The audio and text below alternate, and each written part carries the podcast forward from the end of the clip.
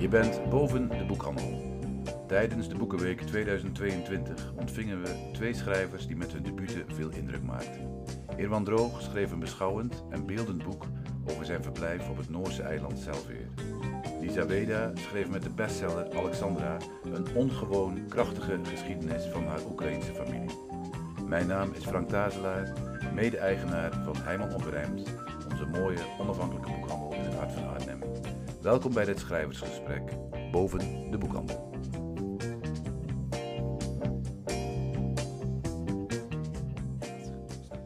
Staan wij ook Staan wij aan? Hallo? Staan jullie ook aan? Ja, we staan allemaal aan.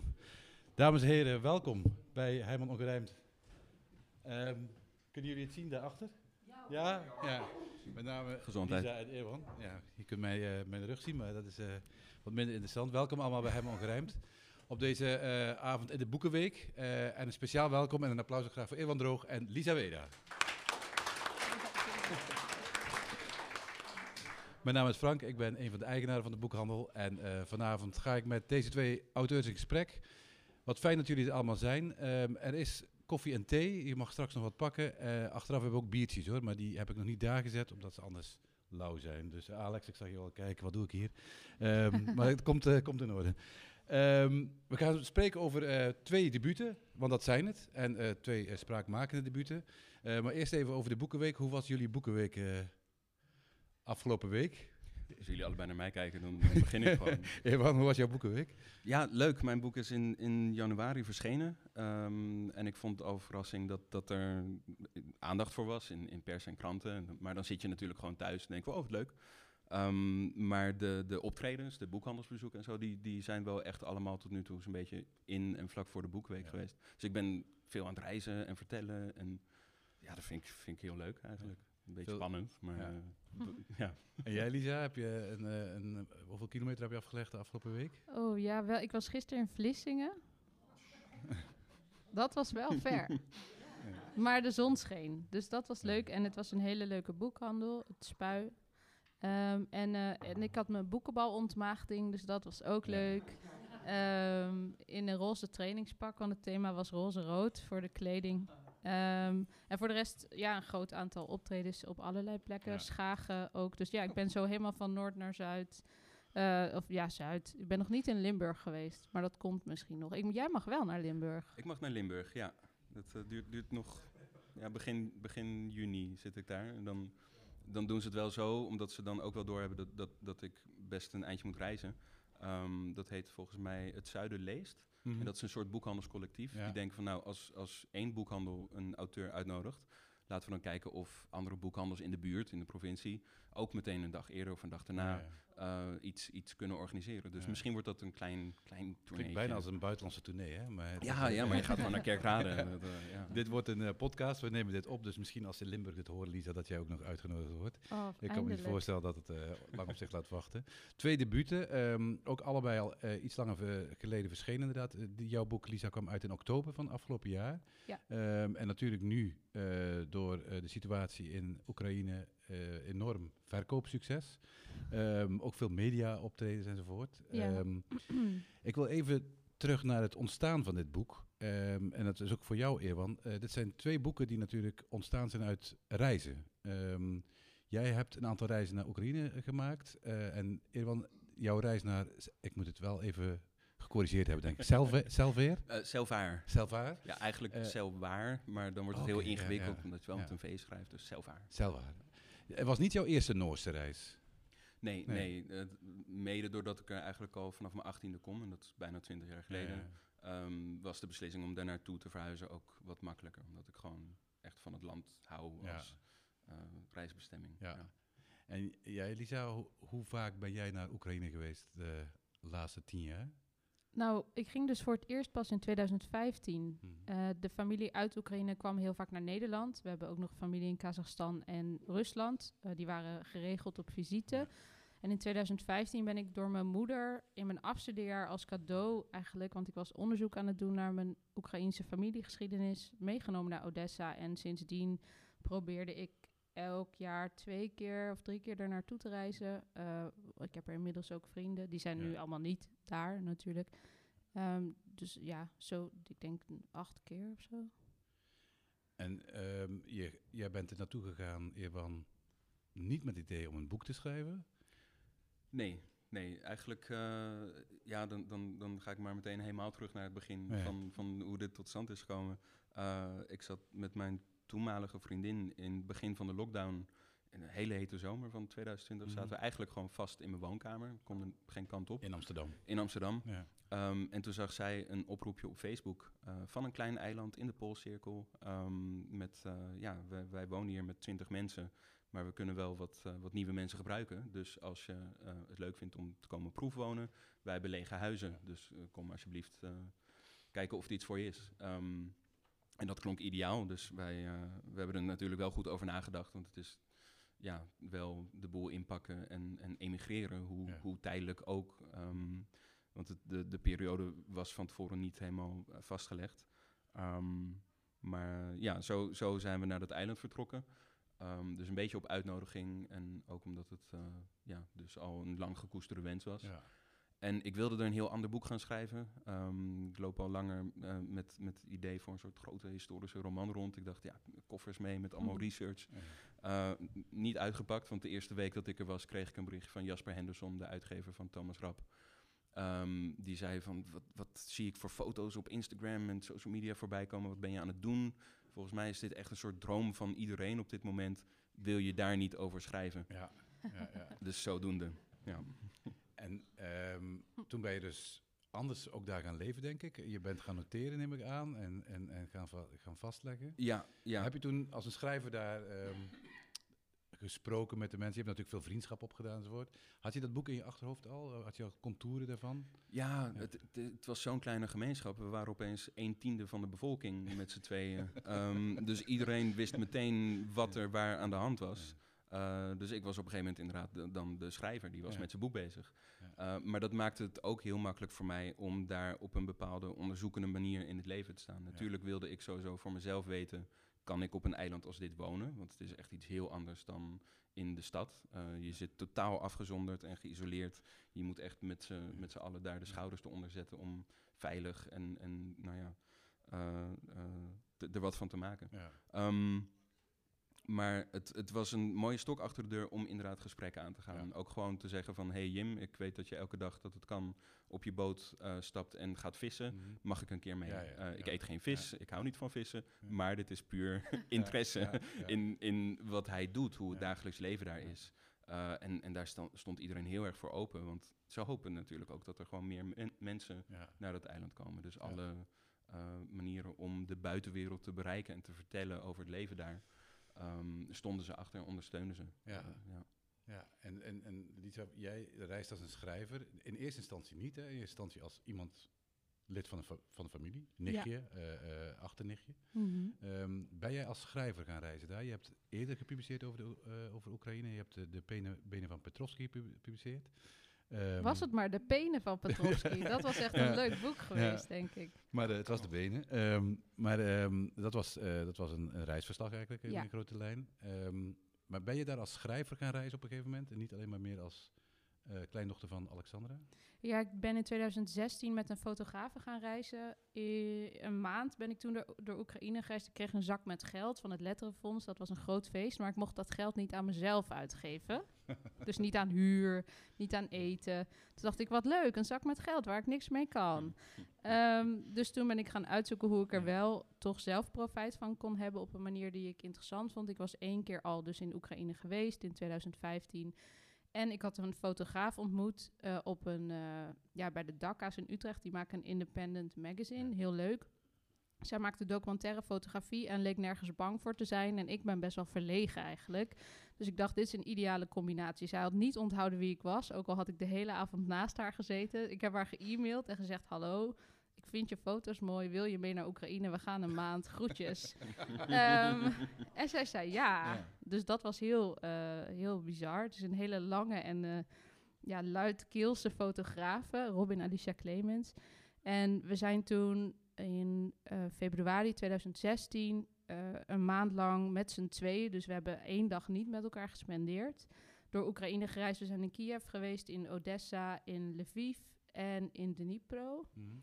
En daar hebben we eigenlijk ge- ik heb daar vooral gepraat met allemaal post-Sovjet-kinderen. Dus mensen van mijn leeftijd die na de val van de Sovjet-Unie zijn geboren en in eh, ja, onafhankelijk Oekraïne zijn opgegroeid. Het was twee jaar na de Maidan-revolutie en ik was heel benieuwd naar hoe die jonge mensen nadachten over de toekomst van hun land en over hun land. En eh, Robin die fotografeerde hen, die heeft een stuk in Vice gestaan onder andere en in een Europees blad.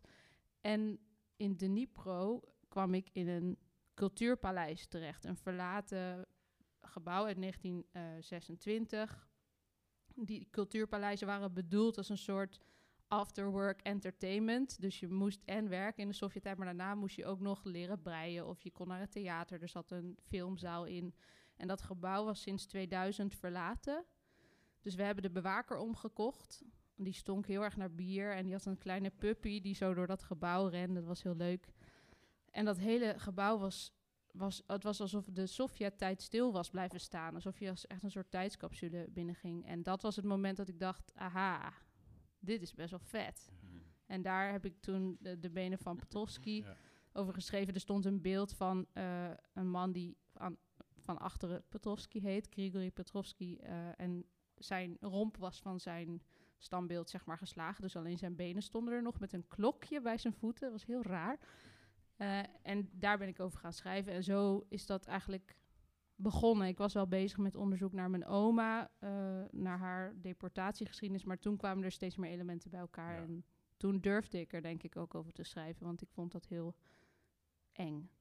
Wat vond je eng, dat paleis? Nee, dat was Ja. heel leuk. Ja, nee, dat was fantastisch.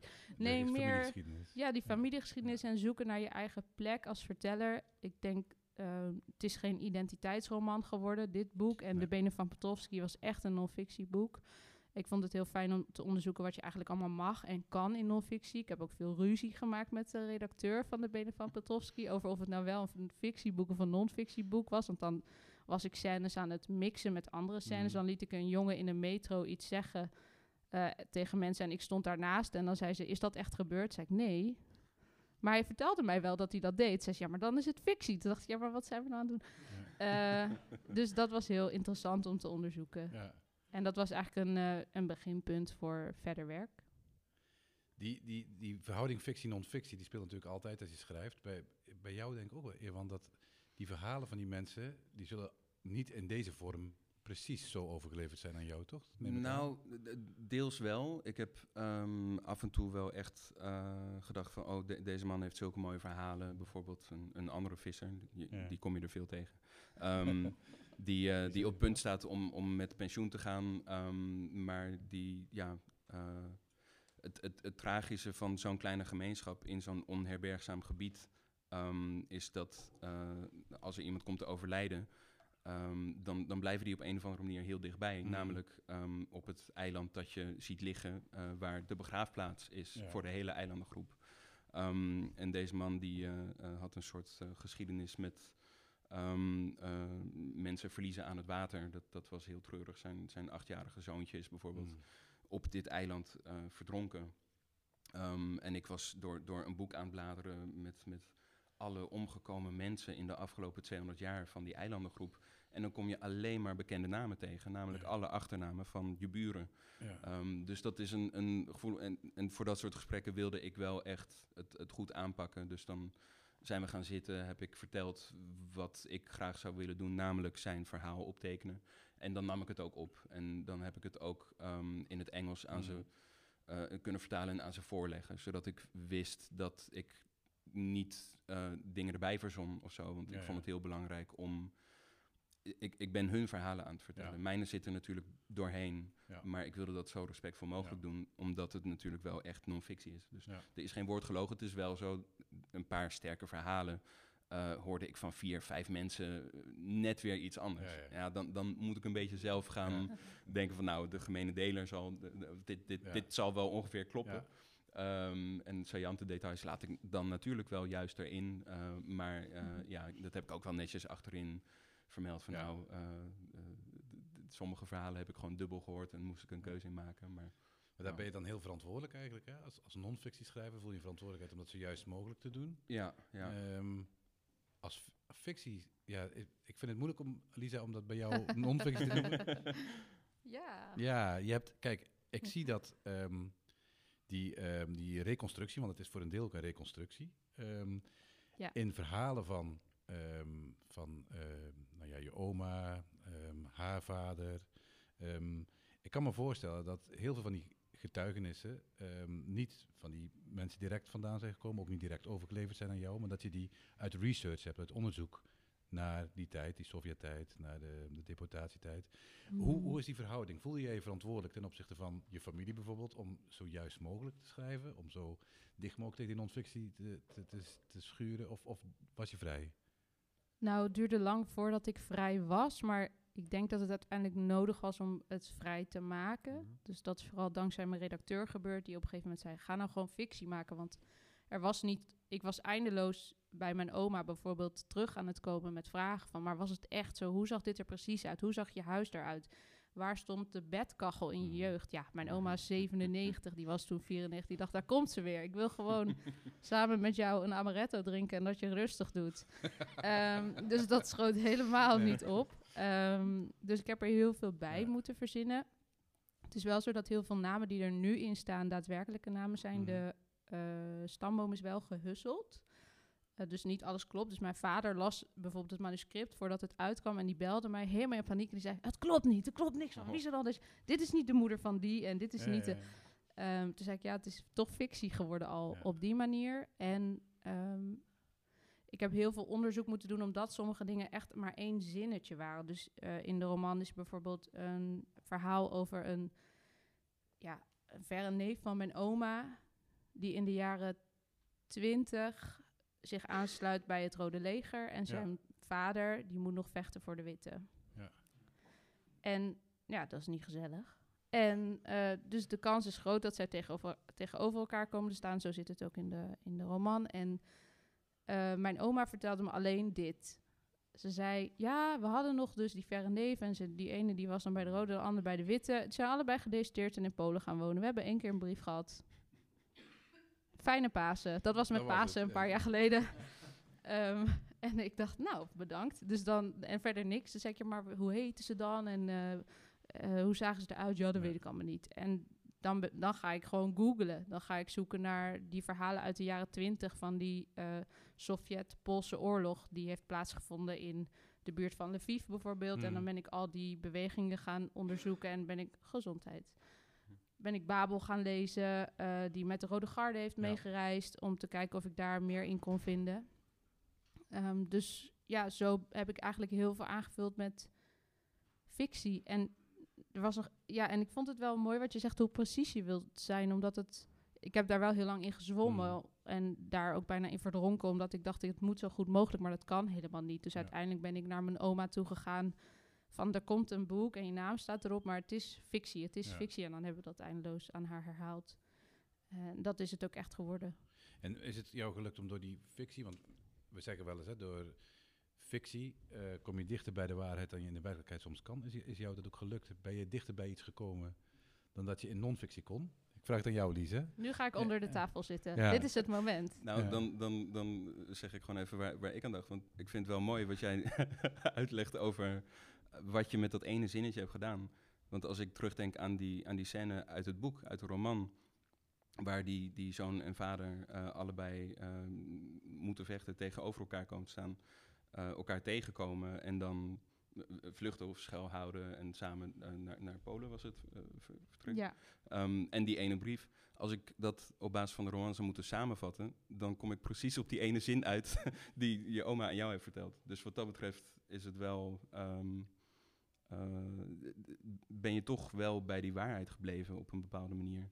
Ehm, en er niet iets heel anders van gemaakt. Je hebt het gewoon geloofwaardig gemaakt, alsof je een soort bouillonblokje hebt gekregen en daar verder niet van af bent geweken, Mm. het alleen groter hebt gemaakt. Ja, je hebt daar, wel, daar heb je dus die verbeeldingskracht eh, voor Ja. nodig.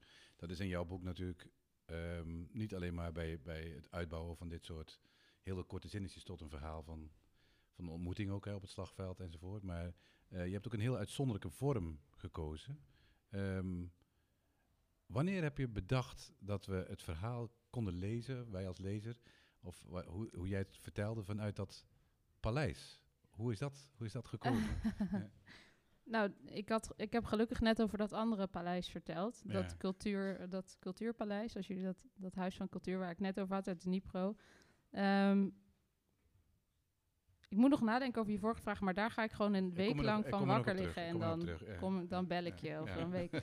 Ehm, ik was heel erg gefascineerd door dat paleis in Dnipro. Ik vond dat heel mooi. Eh, en ik kwam erachter dat er dus door de hele Sovjet-Unie dit soort paleizen waren gebouwd. En ik dacht, holy tits, dat is vet. Ik wil, ik wil dit. Ik wil hier iets mee doen. Dus ik zat al bijna weer die fotograaf te bellen Mm. en te zeggen... Robin, we gaan op drie, drie jaar op reis. Langs alle Sovjet-paleizen die ooit zijn gebouwd en achtergelaten. Ehm, en soms dus ook verlaten. Eh, en ik ging daar onderzoek naar doen. Ik pitchte dit bij de uitgeverij waar dit boek eh, is eh, uitgegeven. Ze hebben me wel laten tekenen voor een roman. Die dachten, die is gek, maar die komt wel terug op dit idee.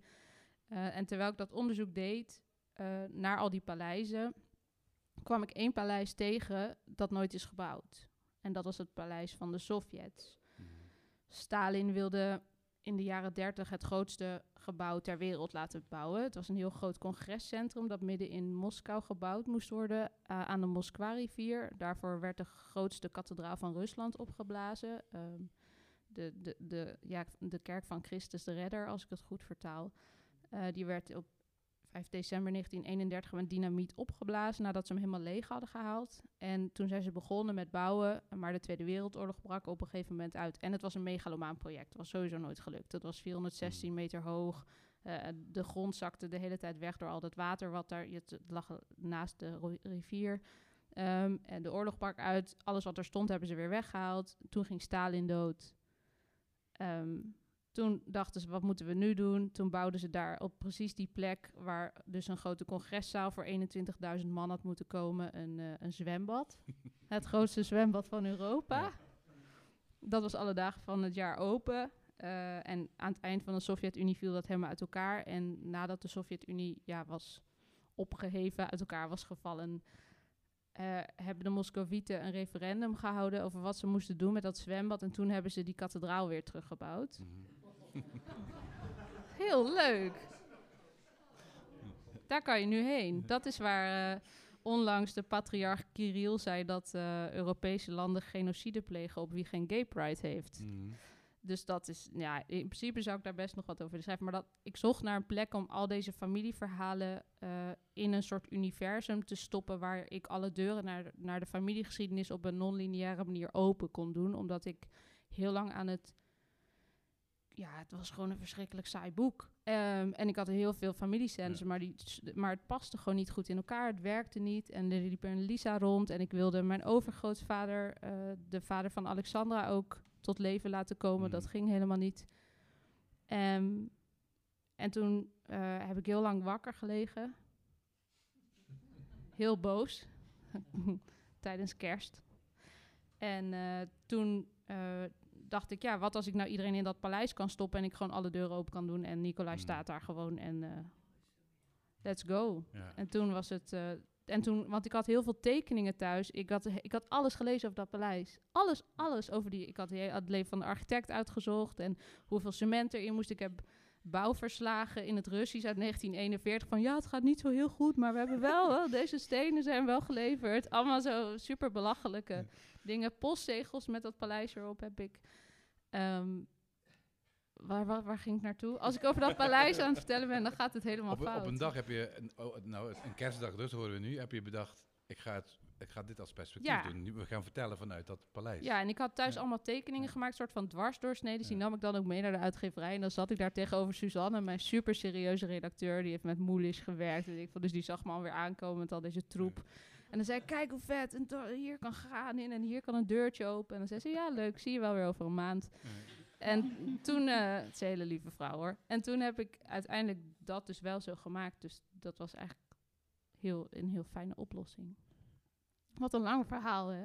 Nee, het is een prachtig verhaal. En dat zwembad komt ook nog voor in de roman natuurlijk. In de, in de droom in het, ehm, Ja. in het paleis zelf. Ik weet niet of jullie die het gelezen hebben dat nog kan herinneren. maar Daar, daar komt het zwembad ook nog even tot leven. Ja, voor de insider die dus dit verhaal Ja, kent, is het ja, heel leuk, want ja. dan is het, het zwembad er nog heel eventjes. Ehm Erwan, je hebt een heel andere aanpak gehad natuurlijk. Je hebt geen... ehm, ik las trouwens ergens magisch realistisch. Ik ben het er niet mee eens, maar zo zou je het kunnen benoemen. Ehm, eh, ik weet niet, hoe denk jij erover trouwens? Magisch realistisch als het gaat om Lisa's roman? Nee, hè?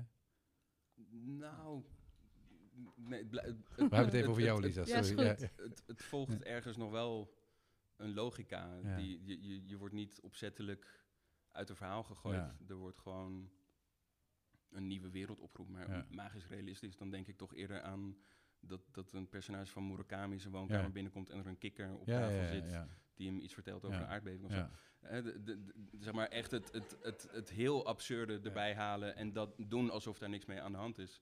Ehm, terwijl jij nog best dicht bij een Lisa blijft in het hier en nu, die dit overkomt. Ehm, maar het is meer eh, een, een, ja, een, een kunstgreep om het verleden tastbaar Ja, te maken. Ja. Dus wat dat betreft vind ik het ja, mo- moeilijk te Moeilijk, zeggen. Ja. Maar je, even, even naar jouw roman, die is, die, jij hebt niet zo'n kunstgreep dan. Eh, ja, we komen hier nog op terug hoor, ook op die eerste vraag. Oh, ja. Ehm, ehm, je hebt dat niet gebruikt, maar je hebt wel een, een, een plek gecreëerd die ook Happy Place heet in jouw, eh, jouw boek, die, die voortkomt uit jouw jeugd of uit, uit jouw twenties, eh twintiger jaren, die je hebt bedacht om, eh, om, ehm, om rustig te worden, om maar even zo te zeggen. Zoiets, ja, En, ja. ehm, en dat is ook een manier om dit boek te lezen, hè? De, de, de, de zoektocht naar, naar de Happy Place. Is het die Happy Place ook geweest eigenlijk toen je er was? Ja, het heeft een beetje context nodig hoor. Want die, die term die komt er inderdaad eh, in terug. En ik was heel blij met, met dat ik tegen de uitgever kon zeggen van... weet je wat, ik, heb, ik zie het ook voor me. Ik ga gewoon het verhaal van het eiland en van Mhm. de mensen vertellen. En dan blijf ik zelf wel een beetje op de achtergrond. Ja, ja, ja. Mhm. Maar dat gaat natuurlijk niet, want, want ik bekijk alles door, door mijn lens en daarmee ook mijn achtergrond en, en geschiedenis en, en visies, opvattingen, alles wat, wat ik in mijn rugzakje meeneem naar dat eiland, Ja. zit al in dat boek. Dus als ik het niet af en toe benoem, dan voelt het een beetje onnatuurlijk. Dus ik, ik heb op een gegeven moment een soort drempel over moeten stappen om meer van mezelf bloot te geven. En dan, ehm, ja, dan kom je bij eh, mijn... Iedereen heeft al iets. En mijn ding was dat ik, toen ik begin twintig was, twee jaar thuis heb gezeten. Echt binnen, een beetje Mm. opgesloten door pleinvrees. Ja. Dus ik, ik kon gewoon nergens meer naartoe. Ehm, op een gegeven moment krijg je een paniekaanval in de rij van de supermarkt. De dag daarna ga je niet meer naar de supermarkt, Ja. want dan denk je, het gaat weer gebeuren.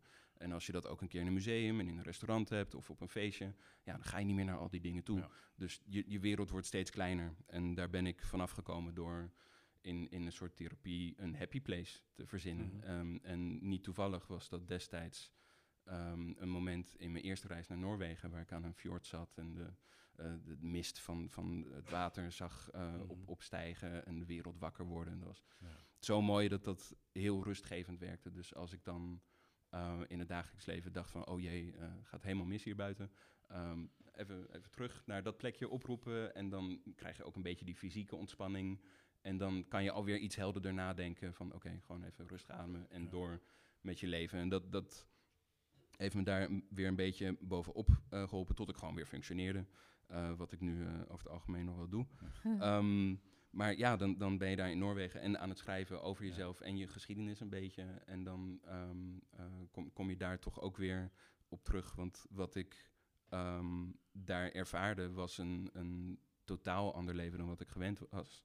Namelijk een, een gebrek aan mensenmassa's en drukte. En, en een supermarkt waar je maar met z'n drieën tegelijk binnen was. Ja. Omdat die, ja, die supermarkt die was ehm, vier dagen in de week, twee uur per dag open.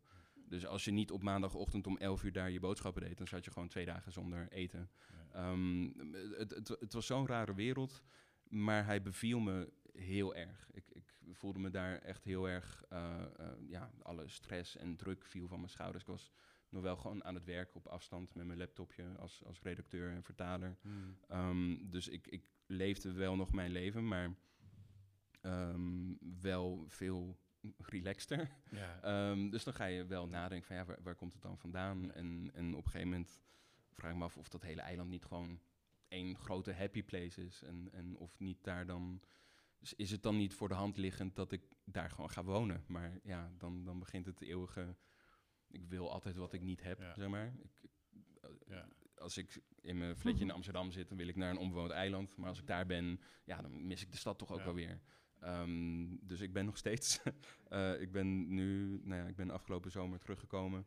en sindsdien moet het echt nog bezinken. Waar ik, ja, maar Ja, ja, Wij- Weggaan is mooi, staat er in het, in het Noosterse werkwoord. Thuis, Ja. thuis zijn is beter. ja, ja, eh, Jemme best, bord de bra. Eh, nee, bord de bra, Jemme west. Ehm, de- de- weg zijn is goed, maar thuis zijn is beter. Dat, dat hangt daar aan, aan de deuren van, eh, van, van mensen die veel gereisd hebben, maar toch altijd weer terug willen naar dit eiland waar, waar ze echt verankerd zijn. En ze kunnen geen mooiere plek verzinnen dan, dan waar ze met z'n allen wonen. Dat snap ik ook heel goed.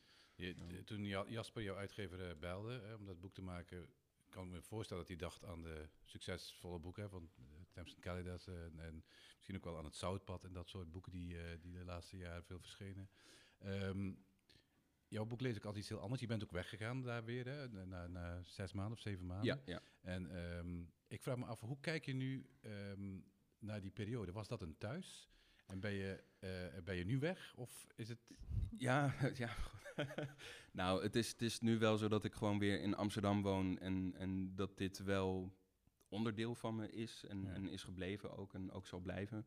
Ehm, ik zal niet meteen eh, eh, nog een keer daar voor langere tijd gaan wonen. Toch niet? Ehm, nee, daarvoor is het toch te... ehm, ja, eh, de- de- al, al die afwegingen die zitten natuurlijk ook in het boek. Het is, het is eh, niet ja of nee. Ah, eh, Het heeft voordelen en nadelen. Maar het is nu toch een te grote stap, omdat... Nou ja, als het daar te hard waait, dan kan je gewoon niet het eiland af. Ja. En kan er ook niemand op. Ik heb daar een half jaar gezeten zonder dat we bezoek konden ontvangen door de corona Ja. en inreisbeperkingen. Ja. Dus dat, dat kleurde het ook een beetje. Dat we wel echt heel erg ehm, in een bubbel zaten daar. Ehm, maar er, er is ook een ander stel naartoe verhuisd die daar Ja. de boerderij nieuw leven hebben ingeblazen. Die wonen er nu nog steeds. En die blijven ook waarschijnlijk. en die, die, die blijven, maar die hebben nu dus ook een soort ehm, interactie met het thuisfront in, Ja. in Nijmegen. Is dat, Mhm. eh, want die kunnen tegenwoordig weer gewoon heen en weer reizen. Ehm, dus het, het was voor ons echt proefwonen. Om een soort eh, eh, andere wereld te ervaren. Om die wereld ook een gezicht te geven naar de buitenwereld toe. Ehm, en ik heb er inderdaad ook vriendschappen gesloten. En ik heb nog, nou niet dagelijks, maar wel veel contact met, met sommige van die mensen. En, eh, ja.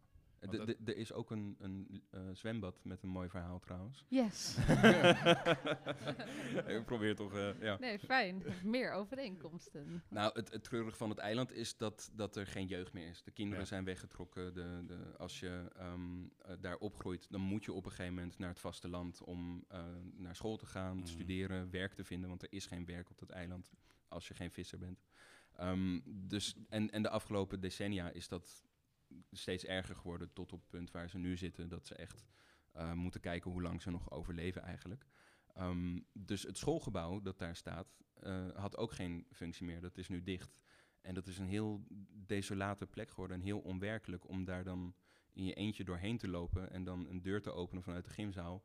En opeens een leeg zwembad aan te treffen waar alleen nog maar eh, wat alleen nog gebruikt wordt om oude kantoormeubelen in op te stapelen. Ehm, dus dan, dan zie je opeens hoe, hoe tastbaar zo'n levendig verleden is geweest. En tegelijk in het hier en nu hoe ja, eh, treurig dat eigenlijk is verlopen. Ja. Uh, en ze, ze doen hun best om dan zo'n gebouw een nieuwe functie te geven. Dus het is nu een bibliotheekje. Dat betekent dat Janne er elke maandag tussen 7 en 9 zit met koffie uh, en je, je boeken kan Ja. ophalen. Dat is de bibliotheek van het eiland. Um, ja, dus het, het zwembad moest ik, uh, moest ik even noemen. Ja, dat is wel- uh, Bedankt. Het is een iets anders zwembad dan... eh, iets minder dat is- megalomaan. ja, dat staat het zwembad. eh, over die, eh, ik heb de, de zin opgeschreven in jouw boek, zegt op een gegeven moment... ehm eh, Nicolai, de, de volkspaleizen, alsof we iets bouwden om onszelf mee te breken. Hm. Heb je er ook zo naar, naar gekeken dat, dat, het, dat het echt een volksverlakkerij was eigenlijk? Die, ehm, die megalomane paleizen en de manier waarop zij moesten leven. Hmm. Die hele republiek. Ja, waar ik vooral veel aan dacht, eh, omdat mijn familie in de jaren dertig ook hun land moest afstaan, hun boerderij moest Mhm. afstaan aan de staat. Ehm, en tegelijkertijd dus die gigantische gebouwen werden gebouwd in Moskou. Voor wie daar ooit is geweest, je hebt die zeven zustergebouwen. eh, en daar eigenlijk het sluitstuk, een van de sluitstukken zou dat paleis zijn. Eh, er staat dus een hele grote cirkel met van die gigantische eh, bouwwerken in Ja. Moskou. Als je daar ook bent, voel je je heel klein. De straten zijn heel breed. Ehm, alles is zo groot dat het, het is bijna gewelddadig. Het, is, eh, het wordt ook wel brute bouw genoemd. Eh, brutalism, is, dat zijn allemaal van die Instagram-accounts waar je dan eh, ja, dit soort architectuur kan volgen uit die tijd. En het, wat, ja, waar ik vooral aan dacht bij het schrijven van die zin en ook bij het onderzoek doen naar eh, deze bouwwerken, was dat het, dat het buiten, ja, uit, volgens mij zegt Lisa dat op een gegeven moment ook tegen Nicolai in de roman, dat het, eh, en ik kan het niet letterlijk citeren wat raar is, want het is mijn eigen boek, ehm, dat het, eh, ja, puur politieke architectuur was Mm, ook. ja. En dat het zoveel, eh, die bruutheid drukt ook op de mensen zoals dat, die hele opbouw van de Sovjet-Unie drukte op de bevolking. Er zijn heel veel mensen, als je kijkt naar de hongersnood in de jaren 30, naar aanleiding van die collectivisatie, het innemen van die boerderijen Mm. en boeren die al hun land moesten afstaan, hun graan werd weggehaald, het werd weggeëxporteerd uit het Oekraïense deel van de Sovjet-Unie. Mensen hadden daar niet te eten. Er zijn daar drie tot zes miljoen mensen overleden eh, als gevolg daarvan. Eh, nu is een van de grootste kwesties, was dat een genocide of was dat een, een bijval of eh, iets wat toevallig ook gebeurde terwijl dit aan de hand was. En ook als je kijkt naar de jaren eh 30 onder Stalin, zeker 37, 38, waarin er de grote terreur van Stalin was. Terwijl tegelijkertijd, als je kijkt naar de propagandabeelden, dan was alles natuurlijk pracht en Ja. praal en heel veel. Er is een hele mooie video waar, in, waar onder andere ook dat paleis in voorkomt, waar een meisje, dit zit ook in het boek, eh, die video bestaat echt, eh, heel enthousiast vertelt over hoe dat hele nieuwe land totaal Mhm. wordt opgebouwd. Terwijl eh, op de achtergrond werden er heel veel mensen naar de gulag gedeporteerd. Dus dat is denk ik wat ik bedoelde met die Ja. zin. Ehm, ja, ik vond dat heel wrang. Terwijl ik wel een fascinatie heb voor die bouw. Ja. Want het is, ja, ik denk dat het gek is om in een tijd te leven waarin dat soort schoonheid wordt beloofd, maar met welke prijs die werd betaald is natuurlijk heel hoog. Ja, ik kan me ook voorstellen dat eh, er in het begin ook een bepaald soort opwinding was. Die merkte ik wel bij, bij de ouders van Alexandra toen ze naar de stad gingen. Wel een bepaald soort opwinding eh, in die belofte die er werd geschetst. Maar die is natuurlijk heel snel overgegaan. Ja, die nieuwe, ik kan heel goed begrijpen dat een nieuwe tijd heel, heel leuk is. eh, waar ik tegelijkertijd aan moet denken, wat helemaal niet hiermee te maken heeft, is een boek dat bij Van Oorschot is uitgegeven. En nu kijk ik naar de Mhm. boekverkoper. Hallo. Mhm. Hey, Lisa. Eh, over een eh, jonge, het is zo'n dik boek, van een jonge Duitse weermachtsoldaat. Eh, is dat dat boek van Sascha Stanisic? Kijk even naar de andere boekverkoper. Ah, we komen er Ja, wel we op. maar op, wat, ja, ja. waar ik vooral aan moet denken is dat het een beetje hetzelfde gevoel is van een jonge soldaat die vol goede moed naar het oostfront trekt met de weermacht. En er op bladzijde, is een heel dik boek, en op bladzijde 100 zit hij vast in de modder en sneeuwt het en is het scheid Mm, weer. En dan ja. weet hij, heeft hij het koud en is hij moe. En al heel gauw zakt dat natuurlijk helemaal in. Ja. Ik vond dat een heel eh, mooi boek om te lezen. Eh, ja, ik denk dat dat enthousiasme, ja, nieuwheid is altijd leuk, Mm. toch? Ja. Dat klinkt een beetje plat. Ik ben natuurlijk ook een millennial en ik wil altijd nieuwe dingen. Maar dat Ja. heeft er helemaal niet mee te maken. Eh, ik probeer een soort intelligent antwoord te geven op deze moeilijke vraag. Maar het heeft, het, het heeft, het heeft die Sovjet, de, in de architectuur, maar die Sovjet-tijd altijd wel aangekleefd. Die belofte van, Ja. van vooruitgang, die belofte van een, ehm, een, nou, in ieder geval een paradijselijk ehm, stelsel. Ehm, Ja, en dat is het. Ik denk dat wat ik, het, wat ik ook interessant vind, is dat als je ja, eigenlijk kijkt naar, nou ja, niet naar de hele Sovjet-tijd, maar waar er is een term die. die die term is hypernormalisatie. Dat komt Mhm. uit een science fiction boek van Ja. twee eh, schrijvers, twee Russische schrijvers. eh, die al vrij vroeg, eh, volgens mij in de jaren 20 en 30, science fiction schreven, speculatieve fiction. In een van de verhalen is dat er een wereld is waarin niks meer klopt. Dus Mhm. alles is de hele tijd aan het shiften en verschuiven. Je kunt ook denken aan de, aan de film Stalker, waarin niks meer ja, klopt. Tarkovsky, Ja, van ja. Tarkovsky, waarin niks meer... eh, de, het is totaal onduidelijk wat waar is en wat niet waar is. Ja. En in het geval van de term hypernormalisatie... eh, dit is een beetje abs- abstract om uit te leggen. Sorry dat ik jullie hier helemaal in meetrek nu. Ehm, Ga door, ga door. ja, oké, ja, graag. spannend. Ja. Eh, nu moet ik het goed uitleggen. Ehm, even denken. Je, geloof, je weet dat het niet echt is, maar je, je moet doen alsof je weet dat wat er gaat Mhm. gebeuren toch echt is. Dus vertel je elkaar allemaal de leugen dat het echt is, waardoor alles echt wordt, maar niet echt is. Ja. Ja. Ja. Ja? Oké, dank toch? God. Ja, Ja, ja, ja. Dit hebben we wel opgenomen, toch? Ja, Ja. Dit is opgenomen, ja, ja, ja. dit wordt zo'n... eh, ik denk dat dit zo'n meme wordt waarin ik dit dan rap en mensen Ja. daar dan autotune Ja, overheen autotune doen. overheen zetten, ja. Ja, leuk. ja. Zin in. Die, ehm, in, in, ehm, in, eh, toen Alexandra terug was, is er een, is een afschaduwing van een lot wat ze ook had kunnen hebben. Eh, een vrouw die ze ontmoet die ook eh, gedeporteerd is naar, eh, naar Duitsland. Mhm. Terug is gegaan en ehm, als, ehm, wat was haar naam? Natasja, ja, inderdaad, ja. Ik heb het hier staan, maar dan moet ik altijd mijn bril opzetten. Natasja. Ehm, ehm, eh, ehm, naar Siberië, in de Ja. Gulag. Is het, ehm, is dat, was dat het lot trouwens van, van, de, van de vrouwen en de meisjes die terugkwamen uit, uit Duitsland? Eh, Een groot aantal wel. Ik weet, ik heb niet de aantallen daarvan. Ehm, het is ook zo dat veel meisjes die naar Nederland trokken eh, met Nederlanders, die werden bijvoorbeeld verliefd in een werkkamp waar ze zaten of op het fabrieksterrein waar ze met Ja. andere vreemdarbeiter aan het werk waren, Vlamingen, Nederlanders. Daarmee trokken ze naar Nederland en als ze niet getrouwd waren, dan kwamen eh, na de oorlog eh, zijn de Russen wel, de Russen, de Sovjets naar Nederland gekomen om die meisjes onder andere weer op te halen. En als je terug eh, ging, dan was je een deserteur, omdat je had gewerkt voor de Ja. vijand. Je was een collaborateur eigenlijk. Een verrader van, terwijl je- Ja. dat kan helemaal niet, want je bent, je bent, Je bent onder 18, dwang gedeporteerd. ja. En als je die trein niet inging, dan was je een ander lot beschoren. Ja. Dus ik begrijp wel dat mijn oma niet is teruggegaan. Mhm. Of dat, ze dat sommige mensen hebben ook gewacht. Een meisje waarmee zij in Den Haag woonde, die heeft gewacht tot Stalin dood was. Ja, ja, ja. En daarna was er iets meer Ja. vrijheid. En wanneer is jouw oma voor het eerst teruggereisd naar Oekraïne? In 1973. 73. En toen was het wel veilig. Nou Ja. ja, het ging Ja, wel. Ze ja. werd, ze, er zijn wel situaties geweest waarin mijn opa was een marinier. Mhm. En dat was een hele stijve Hollander. die heel strikt was en die Ja. toch wel als man wel mee wilde doen. Dus eh, je, je moest dan per trein, ging je dan vanaf Hoek van Holland naar Moskou. En dan vanaf Moskou reisde je nog helemaal naar beneden, naar Lugansk. En eh, hij stond dan in de, in de trein, dus op een gegeven moment zo'n checkpoint. Dus van Polen werd de trein helemaal van de, van de Bielse gehaald. En dan werd het op een ander spoor gezet, omdat anders je heel makkelijk de. Sovjet-Unie Ja. in kon rijden. Dat was niet de bedoeling. Ja. En dan ging hij, stond hij dus in, die, in zo'n nachtcoupé, zo zijn, zijn pak aan te trekken, terwijl mijn oma gewoon in de pyjama zat te wachten tot die Sovjets een keer je paspoort kwamen controleren. Heel grappig. Ehm, en die wilde dan wel een woordje Russisch meepraten, omdat hij mee wilde doen. Nee. En op dat moment zijn er wel ja, reizen geweest waarin mijn oma werd geschaduwd door iemand. Omdat er gewoon altijd een man was die niemand kende. Maar die was dan wel op bruiloften. Die was er gewoon bij. Waarschijnlijk KGB, maar Ja, en dan ging ze Ja. winkelen en dan stond hij op de hoek. En zei ze, Ja. hey, ben je er weer? En dan, eh, dat vonden ze allemaal Ja. ook maar raar. Maar er is nooit verder, nee, ja, het is, Ja. ze werden wel in de gaten gehouden. Want ja, die familie uit Oekraïne, uit de eh, Sovjet-Oekraïne, had natuurlijk ook familie in het Westen. Mhm.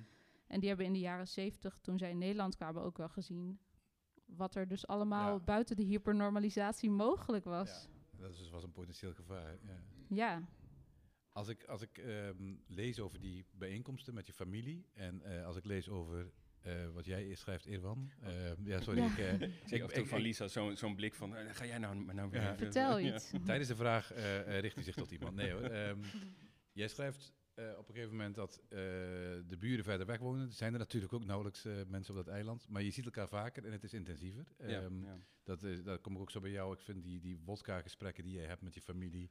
lijkt me ook ontzettend gezellig. Heel leuk. Is, dat, is dat iets wat je mist als je, als je zo intensief met mensen hebt samengeleefd... en je bent dan weer terug in die, in die stad... Hè, eh, ehm, waar er natuurlijk veel meer mensen zijn... ja, maar het contact toch heel anders is. Neem je er ook iets van mee? Kun je, kun je er iets van meenemen? Ik denk het wel, ja. Ik, ik, ik, ik hoop het in ieder geval heel erg. Ehm, ik, ik- ja, om, om toch ook een, een bruggetje te maken. Ik denk dat, dat ehm, kleinere gemeenschappen eh, op een heel andere manier met elkaar omgaan. Eh, of dat nou in, in een Nederlands, Oekraïens of, of Noors dorpje is eigenlijk. Mhm. Dat, dat zal je overal aantreffen. Dat je sneller in de gaten hebt of er iets verandert of mis is Ja. of goed gaat. Of, Ehm, en, en voor mij was het echt een, een, eh, een soort eye-opener over een heel andere wereld. Om inderdaad niet gewoon zoals hier in de stad mijn oogkleppen op te doen als ik boodschappen ging doen. En als ik al iemand zag die je kende, gewoon hoi en snel, ja, gewoon snel weer naar huis, naar je eigen bubbel, naar je eigen anonieme eh flatje Mhm. of waar dan Ja. ook. Ehm, maar nou ja, in, in Amsterdam heb ik honderdduizenden mensen in een straal van een paar kilometer om me heen. Hier heb ik op een eiland gezeten waar er binnen vijf kilometer niemand was. Ehm, dat is echt een, een, een- een heel raar verschil. Maar het is ook zo dat nou ja, het huis was allemaal prima en echt niet back to basic of zo. Gewoon lekker verwarming en geïsoleerd.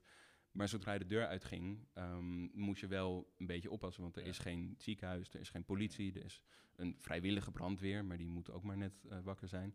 Ehm, maar ja, de- de- de- als, je, als je daar uitglijdt en je breekt een been in een hoekje Ja. dat niemand ziet, eh, dan ben je op jezelf aangewezen. Ehm, als je je telefoon niet bij hebt, dan, dan, eh, ja, dan, dan blijf je daar gewoon liggen. Dus in noodgevallen komt er ook een helikopter van het vasteland naar de eilanden als er iemand medische hulp nodig heeft. Voelde je je wel eens onveilig? Om die, On- vanwege on- die... onveilig is een groot woord, omdat het wel. Je, houdt er rekening mee. Maar ik heb mijn hond bijvoorbeeld niet overal losgelaten op, op de rotsachtige eilanden. Want als die een, een been breekt of een, een- Ja, ja. iets- wat dan ook, Ja. dan is het dichtstbijzijnde dierenarts eh, zes uur met een boot. Maar die boot die moet ook maar net gaan. Ja. Dus eh, Hmm. ja, je bent wel echt meer op jezelf aangewezen. En als je dan met ehm, een, een gemeenschap van twintig mensen leeft op zo'n heel klein eilandje, Mhm. het, het is echt een paar voetbalvelden in een half uurtje loop je er helemaal omheen. Ja. Ehm, natuurlijk ga je dan anders om met de mensen naast je, want je bent van, van ze afhankelijk en, en zij van jou in noodgevallen, maar ook voor gewoon je dagelijkse contact. Om, om niet helemaal in een isolement te verdwijnen, eh, moet je mensen opzoeken. Ja. Dus de gebruiken zijn er ook iets anders. En dat, daar, daar moesten we een beetje aan wennen. Er zijn geen deurbellen, de deuren zitten niet op slot. Als je ergens langs wil gaan, doe je de deur open, ga je naar binnen en dan zeg je hoi. Maar dan sta je dus al in iemands woonkamer. ja, ja. Ehm, andersom eh, zat ik gewoon te werken en dan stond er opeens iemand in het halletje zijn sneeuwschoenen uit te trappen. Zo, hoi, waar is de koffie? Ja. Ehm, dus dat, dat, dat is een andere wereld en je hebt ander contact met mensen. En dat is me he- heel goed bevallen. En, en of ik daar iets van mee heb genomen, dat hoop ik wel. Ik hoop dat als ik nu de hond aan het uitlaten ben of boodschappen doe en ik zie Mm. iemand, dat ik eerder uitga van wat we wel met elkaar gemeen hebben. Dus meer openstaan voor een gesprekje of oprechte interesse, wa- wat er met iemand, eh, hoe, hoe het met iemand gaat. Ook mijn, mijn buren, die ik eigenlijk alleen maar groet.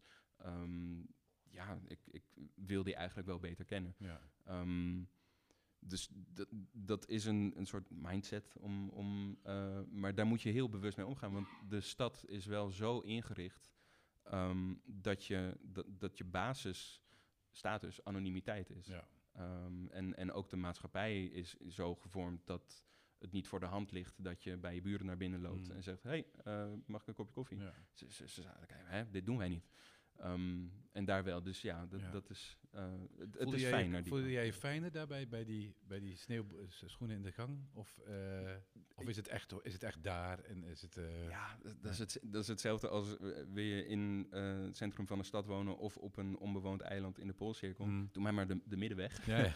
ik vind het toch ook wel weer heel fijn dat gewoon mijn deur op slot kan en, en eh, dat ik gordijnen heb en, en niet op de begane grond woon bijvoorbeeld. ja. Eh, want dat was daar ook niet zo. Ehm, Ja, want ik kan me wel voorstellen, Ja. die gemeenschap is klein natuurlijk, maar je bent wel heel zichtbaar in die kleine gemeenschap. ja, ja. Ze staan inderdaad zo binnen bij je, maar je kunt ook niet, eh, het woord is dan sociale controle, maar ik kan me voorstellen dat dat, dat, het daar is. Ja, van, Ja. vanuit zorgzaamheid in eerste Mhm. instantie. Als de, de stroom uitvalt, en dat is eh, gebeurd voordat wij er waren. Toen zaten ze vier dagen in een echt hevige storm. ehm, met, met zulke sneeuwval dat je eigenlijk de voordeur al niet open kreeg in je eentje. ja.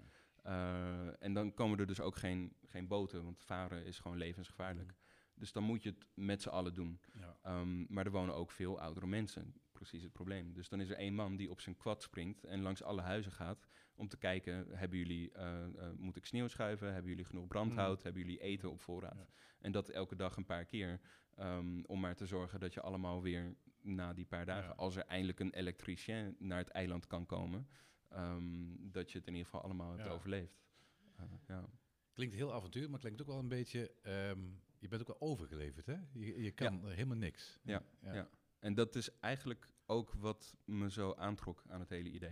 Dat je even, even je bewust wordt van dat je hier ontzettend veel vangnetten hebt. Ja. Ehm, dat, dat alles voor je is geregeld. Dat, ja, ik, ik weet niet waar je naartoe zou moeten om nog een stukje wereld te zien die niet door mensen is gemaakt in Nederland. Mm. Alles is aangelegd, alles heeft een functie. Dat is heel fijn. Ja. Het, het, het betekent dat je nergens zal verdwalen. Eh, en dat als je valt, iemand je wel opraapt. Mm. Maar dat, er is een heel grote wereld buiten dat. Ja. Ehm, en die ervaar ik niet. Ik heb Ja. in, in Den Haag en Haarlem en Amsterdam gewoond. De- de- dat is allemaal heel erg luxe en, Ja. en op, op maat gemaakt voor mij. Ehm, dus het is wel echt een fijne, fijne eye-opener om even teruggeworpen te worden op jezelf en de natuur en de, de elementen. En het Ja. feit dat, dat sneeuw en wind en, en water en, en golven invloed hebben op wat je wel en niet kan. Ja. Ehm, dat is een hele. Ja, het, het, het- het neigt allemaal een beetje naar clichés. En, en maar eh, ja, het, het is heel fijn om dat een keer mee te maken. De echte Ehm, wereld te ervaren en niet eh, de gemaakte wereld. Ja, ja. Ja, ik kan me voorstellen, er is natuurlijk, eh, we hadden het net over die andere boeken, er is ook een soort verlangen, denk ik, eh, in ons om, om dat te ervaren. Veel, niet veel, ik weet niet wie van jullie wel eens een half jaar of langer op een onbewoond of op een klein Noors eiland heeft gewoond. Bijzonder weinig mensen, ja. maar eh, het verlangen is denk ik heel herkenbaar. Ehm, ook wel het verlangen naar het kleine. Even terug naar jou, Lisa, die, dat, wat ik krijg vanuit ehm, die gesprekken die ik lees, ehm, die, de vodka die gedronken wordt, eh, er wordt ook voortdurend gegeten. Je kan volgens mij, kun je ook niet, mag je niet nee zeggen. Nee. Ehm, maar ik kan me ook voorstellen dat eh, de reizen naar Oekraïne en het ontmoeten van de familie, het maken van vrienden ook daar en, en, en dit allemaal meemaken, Ja. dat het ook jouw blik op Nederland enorm verandert. En ook misschien wel een bepaald soort verlangen eh, be- eh, eh, eh, wekt naar een ander soort contact, zoals Irwan dat ook heeft. Klopt dat? Ja, ja zeker. Ehm, ik heb nu eh, twee mensen in mijn huis uit Oekraïne. Ja. Eh, een vriendin van mij uit Kiev eh, is gevlucht, die is inmiddels in Stockholm. En die appte mij, weet ik veel, nou ja, in de week van 17 maart. Van hallo, weet je nog een huis voor een vrouw, Hmm. haar dochter en een hond? En ik had al een hoop mensen doorverwezen. En via Instagram deelde ik veel berichten. Want er waren natuurlijk ontzettend veel mensen op de vlucht. En toen zei ik, nou ja, laat ze maar hier komen. Dat komt goed. Dus die zijn nu in mijn huis. Een maand. Eh, en ik ging vrienden vragen van... eh, hey, wil je even helpen? Of kun je iets doen? En, eh, en een, een aantal vrienden zijn dan zijn een avond komen eten... Eh, sommige vrienden kwamen drie tassen met boodschappen brengen. Andere mensen hebben kleren voor hun verzameld. Dat was heel lief. En, maar nu is het wel heel stil. Ja, ja. En we zijn nog geen maand verder. En wat ik interessant vind, is dat ik aan één vriendin, eh, een goede vriendin van mij, vroeg van... zou je een keer met ons willen eten? Want ja, ik ben alleen. Ik, het, is best, het kost veel energie om mensen te helpen. En eh, er zitten gewoon getraumatiseerde mensen in je huis. Eh, die, ze zijn heel lief, dus ik ben Mhm. heel blij met hoe het gaat tussen ons. We zijn een soort surrogaatgezin geworden eigenlijk. En ik vroeg die vriendin, oké, kan je dan woensdag? Ze zei, nee, dan moet ik boksen. Dus ik zo, kan je zondag? Nee, sorry, dan ga ik eigenlijk naar een feestje. Kun je, nou, en ik was van zes maanden verder. De oorlog in Oekraïne is dan, god, hoop, hoop ik toch godverdomme voorbij. Eh, en dan, ja, dat, dat zijn dingen die, eh, en dat is natuurlijk ook een beetje de romantisering, maar ik heb veel in Oekraïne gereisd en eh, wat er daar gebeurt is dat je mensen ontmoet op een feestje, s'avonds in het, in het huis van iemands dode oma, terwijl al die Mhm. Oekraïners daar stoont, eh, jou allemaal bier zitten te voeren en iemand zegt, kom je morgen bij me eten? En dan zeg je, echt waar? Ja, dat is goed. En dan komen ze je daadwerkelijk de volgende dag ophalen. Er wordt voor je gekookt. Daarna mag je, ze willen je alle dagen nog op tour nemen en Mhm. iets laten zien. En hun vrienden kennen weer iemand daar en dan mag je daar eten. En eh, ja, dat zie ik in Nederland niet zo super snel gebeuren. Nee. Daar hebben we het allemaal super druk met onszelf. Ja. En ehm, dat, ik weet nog de eerste keer na die lange reis waar ik het over had. Je had het net over aangelegd Nederland. Hmm. Eh, toen kwam ik terug van, eh, van Schiphol. En een dag later moest ik naar Breda. En alles waar ik langs reed was aangelegd. En alles was geordend. En Ja. de trein kwam één minuut te laat en iedereen was zagrijnig. En ik Mm. dacht, oh, wat zijn we aan het doen? Ja. Wat zijn we in godsnaam aan het doen? Want tuurlijk, Oekraïne is ook een rommelig land. Ja, ik heb in ja. Lviv, tussen Lviv en een, een dorpje daar, daarbuiten, Viniki gereisd. Waar ik een tijdje met diezelfde fotograaf een... eh, een M-house. eh, in Nederland heb je ook M-house. Daar werken ex-daklozen en ex-verslaafden Mhm. in een community. En die runnen dan ook een tweedehands winkel. Ja, daar ging dan een bus tussen, maar ja, die weet nooit wanneer die bus komt. Dan zeggen we, hoe laat komt die? En dan zie je iedereen kijken, wat ben je gek. Die bus die komt gewoon en dan moet je erin. Ja. En dan ga je er weer uit. En dan, maar er zijn ook niet echt haltes of zo. Dus als je die straat ziet, dan moet je roepen, ik wil eruit. En dan doet iemand de deur open. Heel vreemd. Ehm, eh, maar het is veel meer laissez-faire of zo, maar ook veel warmer en welkomer. En er is altijd eten en er is altijd extra eten voor iemand. Heeft het jou veranderd eigenlijk, die, die reizen en de ontmoetingen? Daar ben ik soms wel boos Ja, vertel. Als ik in Nederland ben. Ja, ja. Eh, nou ja, dit is heel kort door de bocht, maar ehm, vrienden uit Oekraïne die noemen. eh, eh, een paar jaar geleden, net voor de lockdown, ging ik koffie drinken met vrienden uit Kiev. fotografen, mensen die in de politiek zitten, Mm. allemaal van mijn leeftijd, kunstenaars, koks, mensen die hele toffe nieuwe initiatieven opzetten in Kiev. Die noemden Europa Board Europe. ja, ja. En eh, ik heb daar heel lang nog over nagedacht. We hebben toen, we zaten in een, eh, in een boekenwinkel met eh, koffie erbij, de Utrechtse Mm. boekenbar. En we zaten daar anderhalf uur over politiek te praten en over, weet ik veel, wat er aan de hand is Ja. in de wereld en hoe zij daarin stonden en hoe we daarover dachten. En toen gingen zij weg en toen vroeg de jongen die die winkel runt, die zei, zo, dat is echt lang. Je kunt toch ook over leuke dingen praten? ja, ja. Ehm, En dat is heel, ja, maar ik vind dat heel interessant, want ik zie dat wel vaker om me heen dat dat gebeurt, dat, er dat we gauw liever geëntertained worden dan dat we echt over eh, ja, vrij complexe dingen nadenken of Ja. langer nadenken. En ik ben misschien een extreme vorm ervan. Ik heb dit boek geschreven omdat ik mensen meer wilde leren over Oekraïne. Mhm. Dus dat kwam natuurlijk wel ergens vandaan. Maar ik, ja, ik denk wel dat er soms een vrij lethargische houding is. Eh, lang niet bij iedereen, maar wel in mijn generatie. Dat je, we zijn zo ehm, gewend om ons eigen hachje helemaal veilig te Mm. stellen. Eh, en als er dan iets onverwachts binnenkomt, het is heel moeilijk. Het lijkt heel moeilijk aanpas. Net als die vriendin die dan Ja. gaat boksen. Dan denk ik, je kunt dat toch. Stel het Ja, uit. Ja. je kunt toch wel één keer niet gaan boksen en dan gaan we gewoon koken.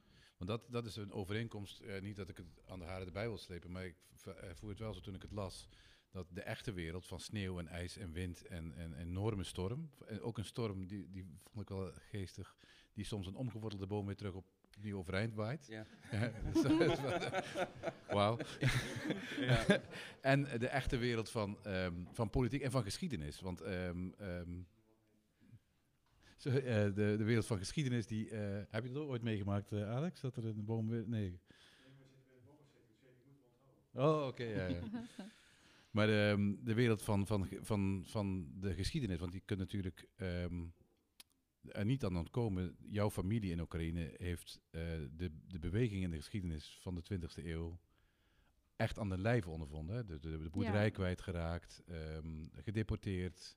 Ehm, nou ja, jouw, jouw oom Kolja vermoord. ja, in de, ja. de huidige oorlog in Donbass. Ja, in Donbass. ja. We staan hier daar heel ver eh, van af. Zou het ook niet zo zijn dat, en dat is ook misschien wel de reden waarom het eiland leegstroomt en, eh, en, en, en mensen ehm, die veel slachtoffers in de familie hebben van geschiedenis, kan ook voorstellen dat hij dan verlangt juist naar Board Europe, ehm, of naar, naar in ieder geval ehm, naar rust. Eh, kwam je dat daar tegen, dat mensen eh, verlangen naar een rust die Europa lijkt te bieden? Zo zeg. Nou, wat ik vooral zag is dat de mensen uit mijn, van mijn leeftijd, van mijn generatie, die eh, post-Sovjet-kinderen Ja. zijn, vooral wilden bouwen en bezig waren met bouwen aan een land dat deel wilde nemen aan Ja, ja, aan Europa. En eh, eh, ik las een tijd geleden het boek Dansende Beren van Mhm. Witold. Ik kan zijn naam heel slecht uitspreken. Een Poolse schrijver. Ehm, waarin dat en een hele hoop delen van dat boek, eh, waarin hij onderzoek doet naar eh, ja, wat de post-Sovjet-mens eigenlijk is, een post-communistisch mens. Eh, daar gaat het heel de tijd eh, toevalligerwijs over eh, mensen die in 2014 aan de grens tussen Polen en Oekraïne praten over wel of niet onderdeel worden van Europa. Ja. En dat dat eigenlijk heel gevaarlijk zou kunnen zijn. En wat het betekent voor het land op zich, dat is de oudere generatie die zegt, ja, maar hoe kan ik dan nog sigaretten betalen? Of hoe duur wordt het leven dan wel niet? Terwijl de jonge generatie heel erg. De mensen die ik in 2016 sprak, toen hadden wij hier zo'n vreemd referendum. eh. Waarvan we allemaal niet wisten waar we in godsnaam ja of nee tegen zeiden. Want het was een heel wazige zin die op dat referendumbriefje stond. Ja. Ehm, eh, zij, toen ik daar reisde in, in 2016 in Oekraïne, sprak ik super veel mensen die me echt aanklampten, jongeren, van stem alsjeblieft voordat wij deel mogen worden Mm. van Europa, want we willen meedoen. En ze zijn, ja, ik heb, ja, mensen zijn zo, zo bereid om zo snel een land op te bouwen. En ze zijn zo slim, ze zijn zo hoog opgeleid, ze zijn zo intelligent. Eh, ze stampen zo allemaal van die hipsterplekken uit de grond in Kiev. Het is Mm. echt belachelijk. Ehm, dus is dit een antwoord op je vraag? Weet ik niet meer. Nou ja, het verlangen om bij Europa te horen. We hebben het over Board Europe. Hè, en het is, het is eh, ehm, Nou ja, wel de veiligheid. Ja. Want de, wat je net voordat de invasie begon, eh, was er natuurlijk al wat gerommel. Mhm. Zeker in de Donbass. In mijn geval ging dat ook over mijn familie. Ja. Eh, maar er was een meme, dus een soort grappig plaatje wat rondging op het internet. Van wat voor hoofdpijn, wat is de grootste hoofdpijn voor Oekraïners? Dat is wonen naast Rusland. ja. Want het is, ja, we hadden natuurlijk, we hebben ook gezien dat in Belarus allemaal protesten waren die steeds werden neergedrukt. Die mensen zijn al een jaar aan het protesteren, al eh, langer zelfs. Ehm, en die hebben natuurlijk gezien dat Oekraïne op een bepaalde manier door Janukovic in 2014 af te zetten, Mhm. eh, zich meer richting Europa heeft gedraaid. Ik denk dat, dat je daarvan, en dat geldt lang niet voor het hele land, dat geldt lang niet voor alle bewoners, dat weet ik ook, dat is heel plat Mhm. gezegd en heel zwart-wit. En daar weet ik ook niks over, want ik kan niet al die mensen vragen stellen die daar Mhm. wonen. Ehm, maar er is een heel grote wil om naar Europa toe te draaien en eindelijk soort van geschiedkundig ook los te Ja. kunnen scheuren sinds, weet ik veel, de tiende eeuw van, van Mhm. die grote broer tussen twee haken die nu niet echt een broer eh, positie inneemt. Ehm, ja, dus ik, maar dat, ja, we zien dat het gevaarlijk is, want we zien wat er gebeurt. Ja, ja.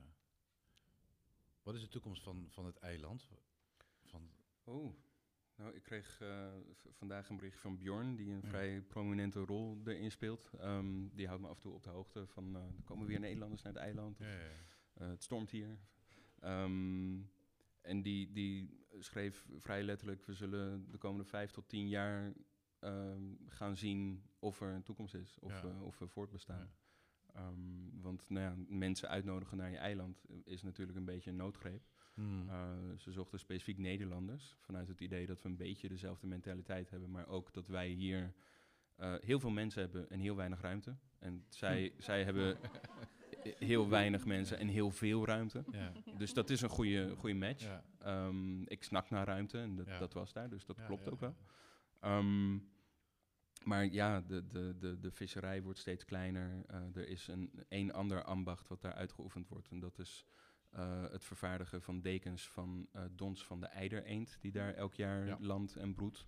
Dat Zo is mooi. Een, ja, het is een heel bijzonder dier en die komt ook echt naar die plek omdat de mens bescherming Ja. biedt.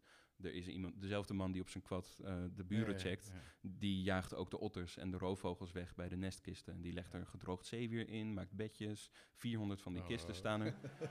en als de, de eenden uitvliegen, dat is het mooie eraan, ehm, dan laten ze gewoon dons achter. Dus je hoeft ook niet de, de dieren ervoor Plukken te, te gebruiken. Eh, de- ze, ze laten gewoon iets achter. Ja. En hij verzamelt dat in vuilniszakken en brengt het naar Gert. En die is begin 80. En die ehm, gaat dan in, in een bedompt eh, betonnen hokje onder haar huis zitten. Met een raampje waar ze dan net niet doorheen kan kijken. Dat, dat is iets te hoog. Eh, en die gaat ehm, een hele winter lang, iets van vier maanden, van ochtends vroeg tot het eind van de dag, in het donker, eh, dat, dat eidereendendons over een raamwerkje wrijven, zodat alle takjes eruit vallen. En dan maakt ze één deken per jaar. Ehm, en die verkoopt ze en dan begint het hele circus opnieuw. Dus dat, dat is het werk dat je daar kan doen. Ehm, maar ja, als, het, het, het is treurig, want als, als zij verdwijnt, verdwijnt dat hele Dat ambacht hele- op ja, dat eiland. ja. Ehm, en als de vier vissers daar met Ja. pensioen gaan, eh, is dat ook afgelopen. En dan zit je met twintig mensen eigenlijk zonder inkomen, Ja. ehm, die, Ja. die zich moeten zien te redden met hun spaargeld of, of wat dan ook. Ehm, dus er moet iets gebeuren. En ze, ze doen er alles aan om, om samen ideeën te krijgen en, en mensen uit te nodigen. Ze proberen meer ehm, de, de, de natuurpracht te laten zien met rondleidingen om Ja, toeristen ja. te halen, activiteiten, eh, bergbeklimmen in de buurt. Dat kan allemaal, maar er moet veel gebeuren. Wil het echt weer ehm, tot leven komen allemaal. Dus ik weet het niet. Voel jij ook een bepaald soort verantwoordelijkheid? Want je klinkt een klein beetje als VVV nu, eh, om mensen daarheen eh, te halen. Nou, ja, dit is geen reisgids, Nee. dat sowieso. Ik, Ja. ik, ik heb zelfs... Foto's zijn trouwens wel echt prachtig natuurlijk. Nou, over die foto's. Ik heb zelfs getwijfeld eh, of, of ik die foto's erin wilde. Ik wilde. Er zit nu een kleurenkatern in, in het midden met, met 25 foto's of zo die het illustreren. Maar eigenlijk vond ik dat al te veel neigen naar pure journalistiek. Namelijk, ja, ja, ja. eh, dit is de plek, Ja. zo ziet het eruit. Ja. Hè, zonder die, die ruimte die je, die je in literatuur Ja, overhoudt ja. om de lezer zelf aan het Ja. werk te zetten. Ja. Ik ben heel blij dat ze erin staan, want het, het is een heel mooi haakje om het Ja. boek aan mensen te laten zien. En Ja. een soort blikvanger. Ehm, maar ik kan me ook voorstellen dat, dat jij, jij had natuurlijk heel veel fotomateriaal na zo'n maand te reizen. Ja. Dat je heel bewust hebt gekozen om er geen beelden in te zetten. Omdat je dan meteen opeens doorsloeg naar non-fictie. Mhm. Ehm, en de- Mhm. daar heb ik ook mee, mee zitten worstelen. Ja. Omdat je het, het, het je, je kan het doodslaan door Ja. het een VVV-gids te, te maken. Dus dit is ook nadrukkelijk niet bedoeld als promotiepraatje voor het verhaal. Nee. Sterker nog, er is een vrij prominente, treurige lijn. In al die gesprekken die ik Ja, voer, ja, ja, komt diezelfde problematiek naar voren. Het is Ja. een, een portret van een eiland, maar ook van een krimpgebied. Ja. En daarmee universeel voor dit soort plekken. Ja. Dat we allemaal meer naar de stad trekken en, en dit soort plekken verwaarlozen. Ook in beleid. Ja. Ehm, waarom zij mensen willen hebben op dat eiland is ook omdat die zich kunnen inschrijven, zodat zij naar de lokale overheden kunnen eh, stappen en Mhm. zeggen: de boot moet vaker gaan, Ja. we moeten vaker post Wat ontvangen. politiek is. En, Mm. in zekere Precies, zin. ja. Ehm, dus als er kinderen verhuizen naar het eiland, dan Ja. blijven ze ingeschreven op het eiland. Omdat ze anders hun, hun ouders ja, eh, ja, ja, eh, minder medicijnen kunnen eh, laten bezorgen door, door de dienstregeling die teruggeschroefd wordt. Als je naar het eiland wil, moet je ook 24 uur van tevoren de kapitein van de boot bellen. Anders gaat hij niet. Klinkt het is, een bus in Oekraïne. ja, daar moest ik ook meteen aan denken. Ja. Het, het is zo afgelegen, laatste stop van de, van de veerpont. Ja. Dus je moet echt even een seintje geven, anders dan is het weggegooid geld dat zo'n boot heen en weer gaat voor niks.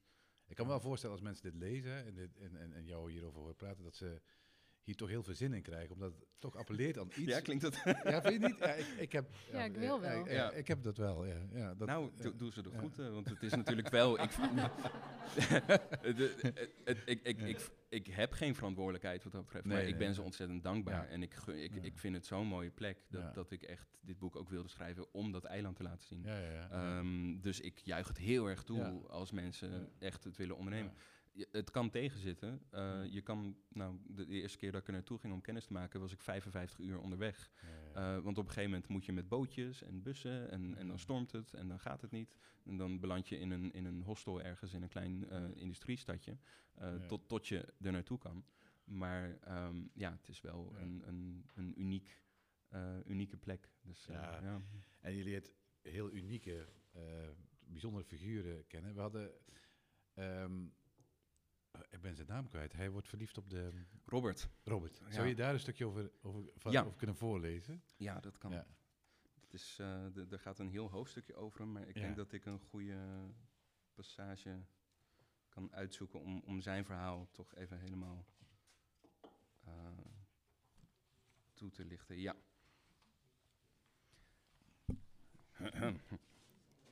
Zet ik deze. Zo.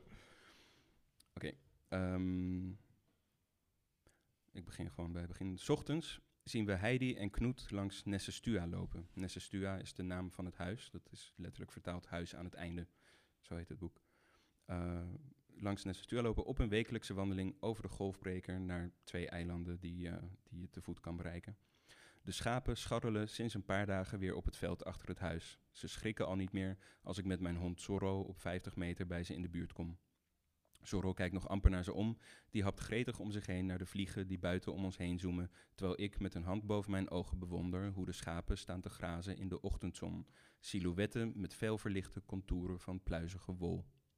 Het weer is mooi genoeg om de zee op te gaan, ebt Björn. Hij was al langer van plan ons een paar van de onbewoonde eilanden in de omgeving te laten zien, maar het waaide, stormde, sneeuwde de laatste tijd te veel om te varen. Vandaag haalt hij ons op met zijn boot, een praktische grijze bak waar we ons met vijf mensen en drie honden in proppen. Het is maar vijf minuten naar Deurwaar, zegt Bjorn, terwijl we langzaam de haven uitvaren om de aangemeerde boten niet te veel te laten deinen. Maar onderweg naar het zuidwesten legt hij de boot regelmatig stil om uitgebreid te vertellen over de omgeving. Hij wijst naar een bergtop waar een gat in zit, een doorkijkje, net hoog genoeg om erin rechtop te kunnen staan. En overal om ons heen kleine eilandjes, soms met een huis erop. Onherbergzame plekken waar vroeger mensen hebben gewoond. Dat was een apart soort, zegt Bjorn. Mensen die zich van alles en iedereen wilden afsluiten. Voordat we na een klein half uur varen aanmeren, vertelt Bjorn nog over Robert, de man die jarenlang de enige bewoner van Deurwaar was. Het eiland ligt hemelsbreed op zo'n vijf kilometer afstand van Selvaar. Tegenwoordig staat er nog een vijftal huizen op, met her en der een schuurtje, boothuis of hut. Er is een tijd geweest dat hier een kleine gemeenschap leefde. De kinderen gingen toen elke dag, in alle seizoenen en weersomstandigheden, in een roeibootje op en neer naar de school op Selvaar, vijf kilometer verderop. Zoals op vele eilanden het geval was en nog steeds is, liep Deurwaar leeg. Robert was de enige die weigerde te vertrekken. Lange tijd woonde hij er alleen en voorzag hij in zijn levensonderhoud door de zee op te gaan om te vissen. Daar op het water had hij nog contact met andere mensen, andere vissers op andere boten. En omdat Robert inmiddels een oude man begon te worden, hij was halverwege de tachtig, belde een van die vissers hem elke avond nog even op om te kijken of hij weer veilig op zijn eigen eiland was aangekomen. Tot hij op een dag niet opnam. Zijn collega bleef het proberen en toen het stil bleef, besloot hij polshoogte te gaan nemen. Aangekomen op deurwaar zag hij inderdaad dat Robert die avond niet was thuisgekomen. De kustwacht kwam in actie en ook de vissers van de omringende eilanden gingen naar Robert op zoek. Maar na een paar dagen begonnen mensen te accepteren dat hem iets was overkomen. Het zou niet voor het eerst zijn dat er iemand op zee verdwijnt. Bjorn staat aan het stuur van de zachtjes deinende boot en laat een stilte vallen in zijn verhaal. We luisteren aandachtig, alle vier hongerig naar de geschiedenis van al deze eilanden, van al deze mensen, en vaak genoeg eindigen die verhalen treurig. We knikken, knijpen onze ogen tot spleetjes tegen de zon die fel weer kaatst op de enorme watervlakte. Weer een visser die tragisch aan zijn eind is gekomen, alsof het erbij hoort dat je op een dag gewoon niet meer terugkomt van je werk. Het eiland waar mensen begraven worden, staat dan ook vol met graven van vrouwen. De mannen werden vaak niet teruggevonden. Maar Bjorn vertelt verder. Dagen nadat Robert was verdwenen, kwam er een telefoontje uit Boede, een stad 200 kilometer naar het noordoosten. Daar had een vuurtorenwachter iets merkwaardigs gezien. Een lichtschijnsel op een rotspartij waar toch echt niemand woonde, waar zelfs geen huizen stonden. Het was voldoende om op onderzoek uit te gaan, dus de kustwacht vertrok naar het eiland en, jawel, trof daar Robert aan. Hij was nog amper in leven, uitgedroogd en uitgehongerd, maar het eerste wat hij vroeg was of er iemand een sigaret voor hem had. Water kwam daarna wel. Robert was gered. Blijkbaar was er een ketting of kabel tussen zijn motor gekomen die onherstelbare schade had aangericht. Hij bedacht op dat moment op de open zee dat hij het beste maar gewoon kon gaan roeien. Hij zette koers naar het vasteland. Het zal de stroming geweest zijn die hem die kant op dwong. Boede, de stad, heeft hij niet gehaald, maar hij was verdomd dichtbij gekomen. Liever was hij daarna meteen naar huis gegaan, maar de kustwacht vloog hem onder lichte dwang per helikopter naar het ziekenhuis in de stad om aan te sterken. Hij werd er verliefd op de verpleegster en zei op hem. Zij vertikte het om naar Deurwaard te vertrekken. Robert, die meer dan 80 jaar op het eiland had gewoond, verhuisde daarom maar naar de stad. Sindsdien is Deurwaar onbewoond. Heel af en toe ging Robert nog terug. Dan was hij er even in zijn eentje in het witte huis dat ik inmiddels vanuit de dobberende boot zie staan. Mooi, mooi, mooi. Dankjewel. Prachtig verhaal. Eh, Ja, dat, is, eh, dat was een van de eerste verhalen die ik hoorde. En, en waardoor ik dacht van, oh ja, er zit wel, ik, ik kan dit wel. Er zit wel een boek in. Ja, dit, dit, dit is Ja. fantastisch, ja. Ja, ik- er zit, eh, ja, nou ja, het is een prachtig verhaal ook van die mevrouw die de, die de deken maakt. Op Mm. een gegeven moment krijgt ze een uitnodiging van de koning, Ja. maar slaat hem af. Ja, dat was, eh, dat was Gert, die dus één deken per jaar maakt. Eh, het koninklijk echtpaar, die, eh, die had al een deken van haar in huis, ooit als geschenk gekregen. En die nodigde haar nu uit om naar een verjaardagsfeest te komen Ja. in een stad. En zij had toen een dubbele boeking, want ze was al gevraagd om bij een openluchtmuseum te vertellen over het ambacht van het Ja, eiderede ja, donsreinigen. Eh, dus ze heeft het koninklijk echtpaar afgeslagen. Dat kon ze niet, niet afzeggen natuurlijk. Ja. Nuchter kan het bijna niet. Eh. Dat, dat, dat, er is één museum op Selvaar, dat is het Eiderende Museum. Dat is een kamer, ehm, nou, zo groot als dat hoekje daar. Eh, je kan er met zes mensen tegelijk staan. Daar hangen krantenknipsels aan, aan de muur. eh, en één artikel van de lokale eh, Hel Helgelandsblad gaat over de koninklijke uitnodiging aan onze lokaal beroemde Gert. Ja. Zo leuk.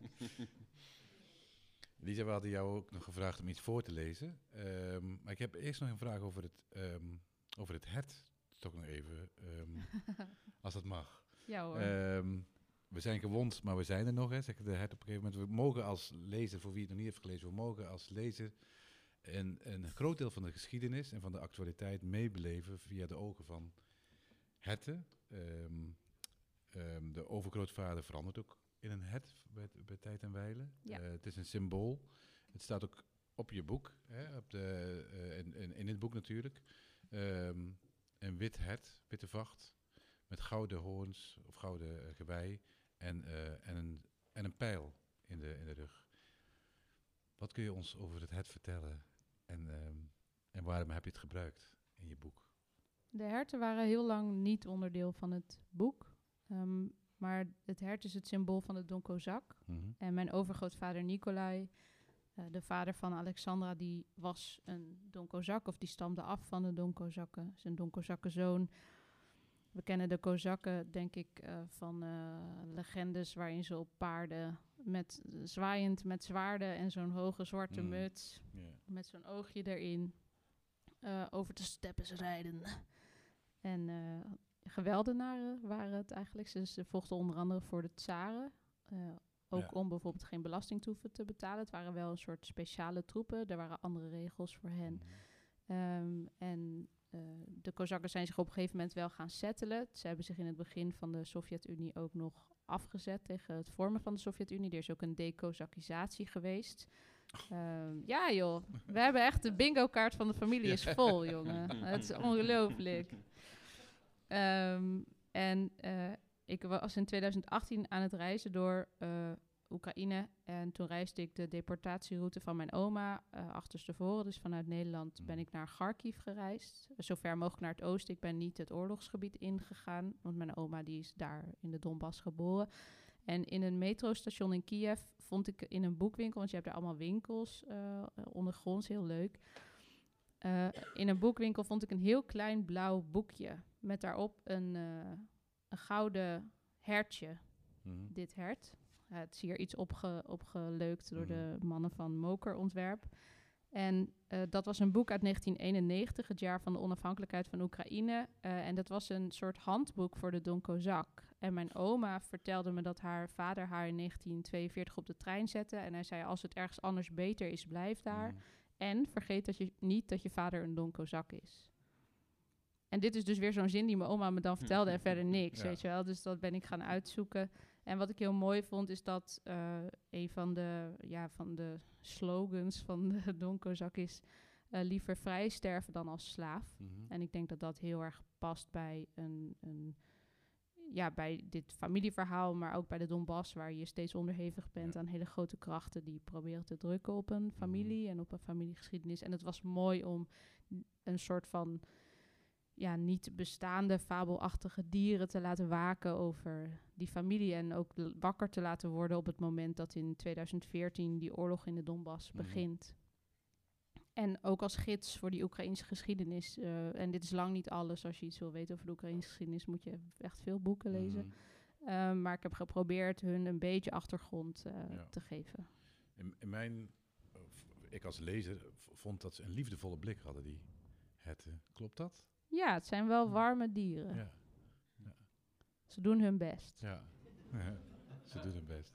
Je hebt het hertje ook getatoeëerd, uh, zie ik, achter je oor. Ja. Um, en Ewan, je hebt een beer, een ijsbeer. Een ijsbeer. Ja, ja. Wat ik ook niet wist en uh, uit jouw boek uh, nu wel weet, is dat ijsberen, en, die natuurlijk bedreigd worden, omdat, omdat er minder leefgebied is, ja. um, zich mengen met grizzlyberen in... Klopt, ja. Als ik, uh, ik, ik, heb het ook wel nagezocht, maar dit hoorde ik inderdaad van een, een lokale tourguide op Spitsbergen, ja. uh, waar ik een paar jaar geleden ben geweest. Um, die, die man zat vol verhalen ook. Dat is weer een heel ander boek. Ja. Uh, maar die vertelde, nou, het gaat op zich goed met de ijsberen op ja. dit eiland. Uh, en dus niet het eiland uit dit boek, hoor. Ja, um, maar op Spitsbergen, een stuk, stuk dichter bij de Noordpool nog. Het gaat goed met de ijsberenpopulatie. Er zijn iets van 3000 tegenover een menselijke uh, inwonersaantallen van, van 1000. Um, Maar eh, ja, ze hebben wel, er is een lijn eh, te zien dat, dat ze meer naar het westen trekken. Ja. En, en zo, ja, een beetje ter hoogte van Canada zijn ze dus inderdaad al stellen geworden met grizzlyberen. Ja. Ehm, en er is één variant die eh, echt levensvatbaar is en zich weer verder kan voortplanten. Dat is volgens mij als de, de vader een ijsbeer is, maar dat weet de pin me er niet op vast.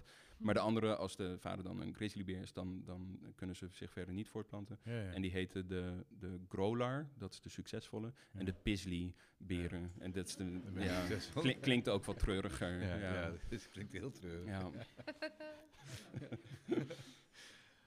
Ehm, Lisa, zou jij eh, een stuk uit jouw roman willen voorlezen? Ja, En Wordt- welk stuk? het wordt iets minder romantisch dan dat van eh Irwan. Oké. ja.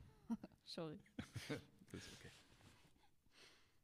Dus moet je nu al lachen, dat is toch fijn. ik moet altijd denken aan die pislibeer. Laat ik dat maar eens kwijt. Ja, niet.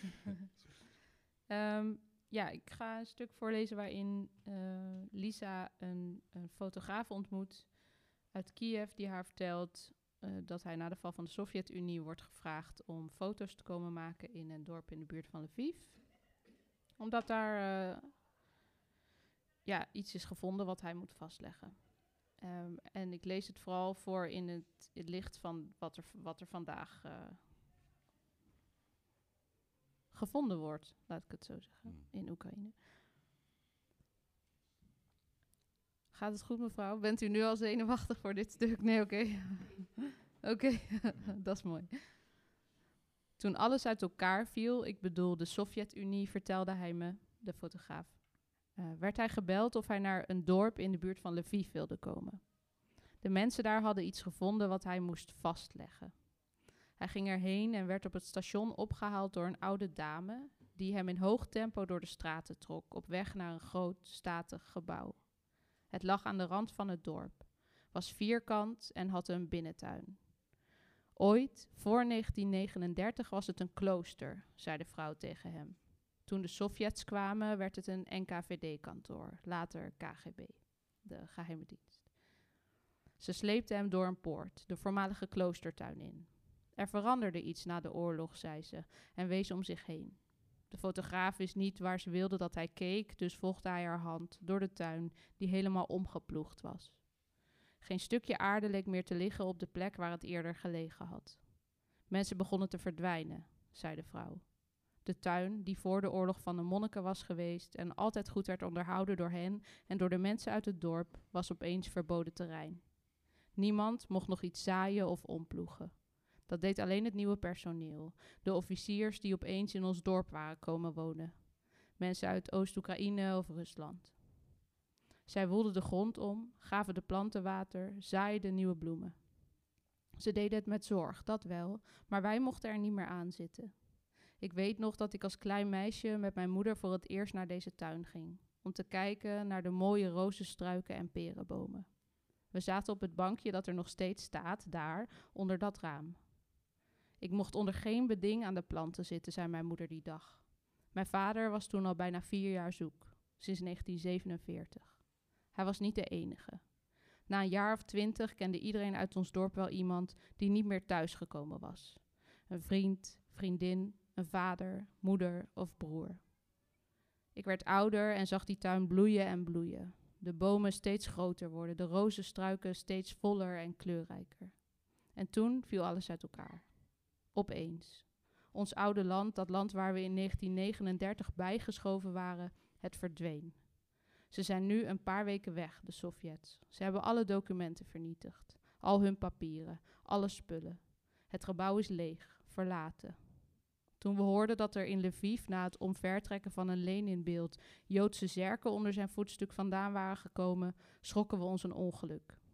Een van mijn dorpsgenoten dacht na dit verhaal opeens aan de tuin. We mochten toch niet graven, zei hij. Waarom eigenlijk niet? Waarom hebben we daar eigenlijk naar geluisterd? Hij spurte zijn schuur in en kwam terug met twee schoppen. Hij gaf er één aan mij. Hij rende naar de buren en ik naar de mijne. Ik belde mijn dochters op en mijn zoon. Die belden weer hun vrienden die hier nog woonden. Bijna iedereen die een schep had, kregen we mee. Toen we eenmaal in de tuin stonden, zijn we maar in een willekeurige hoek begonnen. Daar, links. De vrouw gidste hem naar een hoek in de tuin. Hij zag nog wat wortels en planten liggen. Hier. Precies hier lag een glazen pot met hersenen erin. Dat vonden we als eerste, redelijk dicht bij het oppervlak. Daarna groeven we dieper. Daar lagen kootjes, schouderbladen, ribben, botten en bekkens. Daaronder lagen de schedels. Bijna allemaal zaten ze vol kogelgaten. Ze stak de omgeploegde grond schuin over. Door een andere poort gingen ze de tuin weer uit. Daar stonden stellingkasten, honderden houten stellingkasten overladen met beenderen. Verderop stonden kisten met daarin bij elkaar gepuzzelde skeletten. Het zijn bijna 300 mensen, zei de vrouw tegen de fotograaf. We weten natuurlijk niet precies van wie wat is, maar we proberen zoveel mogelijk lichamen bij elkaar te krijgen. De fotograaf had mij gevraagd of ik het wilde zien. De foto's van de kasten, de doden in de kisten, die uit allerlei verschillende lichamen bestonden. Ik had geknikt en hij had zijn computerscherm naar me toegedraaid. Hij klikte een eerste foto open, wachtte tot ik knikte, zodat hij naar de volgende foto kon. Samen keken we naar mensen die met hun handen op hun rug langs de stellingkasten liepen, als in een museum. Ik keek naar een stuk bot dat nog in de aarde lag, naar een oude man, scheppend in het midden van de voormalige kloostertuin. Ik had me afgevraagd hoe het moest voelen als je wist dat een van de schedels die van je vader was, of van je zus.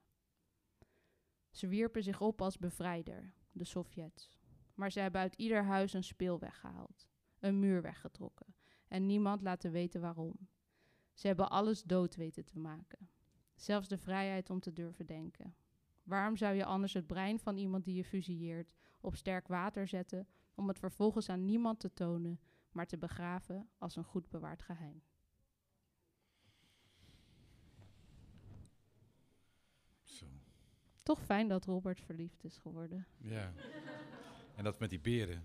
Ja, toch? Lisa, ben je, ehm, probeer je het, het nieuws te doseren nu voor jezelf? Ja. Hoe doe je dat? Mijn telefoon door iemand laten verstoppen. Ja, ja. Op, oh, je bent een beetje op een rantsoen. Ja, ik las echt eh, vier, de eerste vier weken alleen maar Twitter en Instagram video's. En, Mm. eh, ja, dat, en ik was heel veel aan het werk, ook met bevriende journalisten die eh, werken in dat gebied, eh, hebben gewerkt in dat gebied en nu hier in Nederland Ja. veel aan het werk zijn. Maar eh, ja, je gaat er gewoon, eh, dat gaat gewoon niet. Ja. Want ik, ja, ik reed gisteren, eh, moest ik dus naar Vlissingen. Nou, dat is echt een pleuris aan het rijden. Dus zit je heel lang in de auto. En eh, op een gegeven moment reden we, ja, je rijdt dan, het is Nederland, dus je rijdt heel lang door een vlak landschap. Maar het Mhm. landschap in de Donbass en eh, vaak in Oekraïne is ook gewoon plat. Ja. En op een gegeven moment zag ik alleen nog maar eh, bommen vallen, Ja, dingen ja, ontploffen. Toen dacht ik, ja, dit kan niet goed zijn. De wereld, je, je, sta, je staat eigenlijk een beetje buiten de tijd. Mijn familie is, net, ik ben ook bezig geweest met mijn familie. Maar die is, Helpen zijn, vluchten. zijn ze gevlucht nu allemaal? Eh, uit Odessa is iedereen vertrokken. Dus ik heb vorige week ook mijn oud-tante van eh Düsseldorf eh, gehaald van de trein en naar Nederland gebracht. En ja, dus je, je moet wel ergens op pauze, toch. Want het, anders, gaat, anders trek je het niet. En je oma? Volgt zij het? Of, eh, of is zij, ook op een rantsoen te zijn? Of weet je niet? Ja, het enige wat heel moeilijk is, eh, een, ehm, haar zus, zij heeft meerdere zussen. Ja. Eén zus heb ik dus opgehaald eh, vorige week. Eén zus woont in Kazachstan. Nou, dat is ook niet meer zo goed bereikbaar Ja. inmiddels. En eh één zus woont in Lugansk. Mhm. Die is pro-Russisch. En ehm, dus dat, dat, de familie valt ook steeds meer uit Ja, elkaar de ja. afgelopen eh, maanden. Dus dat is complex. En die, die zit al sinds, eh, weet ik veel, 20 februari in, eh, af en toe in de schuilkelder. Mhm. Inmiddels gaat het volgens mij wel, maar er Mhm. zijn de afgelopen dagen natuurlijk steeds meer, Ja. meer aan. Zij noemen dat dan terroristische aanslagen. En ik vraag dan niet wat het is, dan laat ik het daar ook bij. Ik ga me niet met hen mengen in een politiek debat of zo, of een discussie. Mhm. Ehm, maar mijn oma, die, die weet niet meer... Normaal belde zij best vaak met haar zus, tante Nina. Maar ze weet gewoon helemaal niet... Ze zegt, ja, wat moet ik nu nog... Wat kan ik nu nog zeggen? Ja. Hoe kan je nou hier eh, vanuit een vredig Nederland... proberen je zus nog een hart onder de riem Mm. te steken? Ja. Ehm, dus dat is heel ingewikkeld. Ze heeft afgelopen week haar zus Clara, die ik dus heb opgehaald, wel gezien. Gezien, en dat was ja. heel mooi. En het is natuurlijk heel wrang. Mijn oma zou... Over drie jaar wordt zij 100, als alles goed gaat. En Mm. ik zat met mijn oud-tante in de trein. En zij praat eindeloos Russisch. Zij stopt gewoon niet met praten. Ze kwam aan heel fashionable in een panterprint outfit met een panterprint hoedje op. Die vrouw is bijna 80. En die begon me meteen tomaten te geven en ik moest eten en, thee drinken Ja. en koekjes en weet ik veel in de tent. Toen dacht ik, het is ook nooit anders. Het maakt niet uit wat er gebeurt. Je moet gewoon eten. Dat was heel leuk eh, en heel lief. Ehm, ik ben nu afgedwaald van mijn ja eigen dat, eh, dat je oma bijna 100 is. Ja, en ze zei, ik hoopte dat we in vredestijd, als Ja. je oma 100 werd, naar Nederland zouden kunnen Ja, komen. en, ja. ja, dat, en dat het eindelijk vrede zou zijn ook. Ja. Want voor onze familie is het sinds 2014 al 14, eh, oorlog. ja. Dus dat is eh, heel gek. En Ja. Alexandra, ja, mijn moeder is doktersassistent, dus die neemt dan, eh, hoe heet dat, bloedverdunners mee, zodat ze, of iets waardoor ze rustig wordt. wordt. Ja, Ja. Eh, dat is, eh, die stash die groeit wel elke Ja. week. Ja, het is een gekke, heel gruwelijke tijd. Afschuwelijk, ja. Ze heeft jouw boek gelezen, hè? Ja. Ja. Leuk gedaan, zei ze. Klopt gereed van, leuk boek. Nee, nee, maar wel, ze Ja. was, eh, ja, ze heeft me heel erg bedankt. Maar we Ja. zijn natuurlijk al, we hebben acht jaar heb ik aan gewerkt en acht jaar heb ik met haar gepraat. Ja, Dus zij weet het nou wel wat erin staat. ja, nee, dat is ook zo, ja. Ja. Ik ga even naar jullie. Zijn er, zijn er vragen vanuit, vanuit jullie aan Irwan of aan Lisa? Mag ik, vragen, ehm, wat je net vertelde, hè, van, eh, dat sommige eh, aanhangers van eh, dus, de, de Russen zijn, is dat in zo'n land niet nou ja, een drama binnen een drama, een drama in het kwadraat zou ik bijna willen zeggen, dat zo'n land op die manier gesplitst en verdeeld wordt. Dat krijg je toch nooit meer bij elkaar, na alles wat. Ja, dat is denk ik iets wat we over een aantal jaar zullen weten. Ehm, in, het geval van mijn familie wordt er niet over politiek gepraat. En als het wel zo is, dan, dan is het Ja. ruzie. En dan eh, kun je niet meer eten, dus dan eet je liever dan dat je praat. Dat, een, vriend, een Oekraïense vriendin van mij die hier woont, zei ook... Ja, ze stoppen je mond vol zodat je niet praat. Ehm, dus dat is ook nog een manier. Dus als er nou ooit nog een... eh, als je een rare kerst tegemoet gaat, geef iemand gewoon heel veel eten... Dan is het opgelost. Ehm, maar ik ben wel geïnteresseerd en ik probeer als schrijver gewoon rustig nu van de zijlijn toe te kijken wat er gebeurt. Eh, wat we ook bijvoorbeeld zien is dat er nu 35.000 Russen in Georgië arriveren die echt niet meer terug willen. Die ook zien dat Ja, hun land ja. uit elkaar valt. Dus op heel veel fronten zijn er ook heel veel verschuivingen aan de gang. En nu is blijkbaar het breekpunt waarop mensen echt vertrekken. Ehm, en ook als je kijkt naar de Donbass, er zijn eh, sinds 2014 al anderhalf miljoen mensen gevlucht uit die regio. Zij zijn of naar Rusland vertrokken of naar het westen. Dus die hebben hun keuze ook deels al gemaakt. Ehm, maar wel vrienden van mij corresponderen niet meer met Russische familieleden. Die hebben echt ruzie. Elver, wat zie jij? Wat zien wij? Hmm. Eh, geloof je dit echt niet? Ehm, dus ja, het, eh, ja, en die willen ook vrienden niet meer spreken. Die hebben moeilijke gesprekken. Ehm, eh, over ja, ook de gradaties van shit waarin je zit. Het gaat per se niet ook altijd goed met hun Russische vrienden, maar dat is natuurlijk een heel ander. Ja, voor mijn Oekraïnse vrienden is het anders omdat hun land is in oorlog. Eh, dus het is een heel complexe vraag, maar ik ben heel benieuwd wat er gaat gebeuren. Ehm, ik zou, ja, ik zou het niet, ik zou, ja, ik zou niet weten hoe je weer met elkaar om tafel moet. Maar we zijn ook mensen, laten we hopen dat er Mm. op een gegeven moment iets mogelijk is, maar ik zou het niet weten. Goeie vraag wel. Ik denk er elke dag over na, maar ik zou het niet weten. Ja. Zijn er nog meer mensen met een vraag, mevrouw?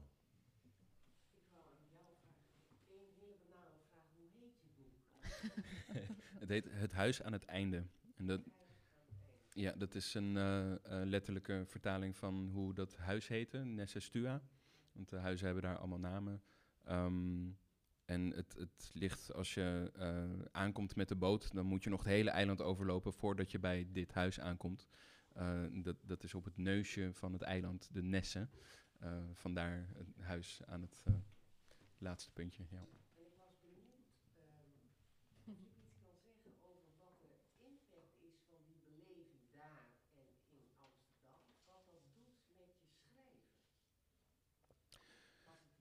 Oeh, dat is moeilijk om te zeggen, omdat ik het hele boek eigenlijk op het eiland heb geschreven.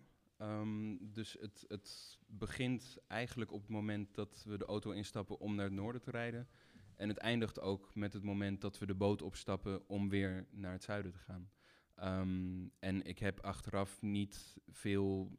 Natuurlijk krijg je dan een redacteur en komen de rondes met redactie en herschrijven. Maar inhoudelijk is er niets meer veranderd. Ehm, ik, ik wilde ook heel graag het boek met een soort. ehm, niet, niet met een conclusie eindigen. Niet van, oh, dit, is waar ik mijn toekomst door ga brengen. Of, oh, hier wil ik nooit meer naartoe. Ehm, het, het hele boek is eigenlijk een, ook een soort onderzoek naar manieren van leven. En de, de invloed van je omgeving op je nou, welzijn misschien wel. eh, eh, mentaal en fysiek. Want daar, daar heeft het, speelt het allemaal een rol in. En eh, gezien dat ik nu maanden later nog steeds niet weet waar ik nou fijner woon, eh, ben ik heel blij dat ik het ook een beetje met die open vraag heb geëindigd. Want het, het gaat nog lang duren om, om daar een antwoord op te vinden wat de invloed is geweest van zo'n ervaring. Ehm, en het is een, een, een luxe probleem hoor, dat ik denk van, oh wil ik daar of daar. Het, het is absoluut eh frivol bijna, zeker in deze context. Maar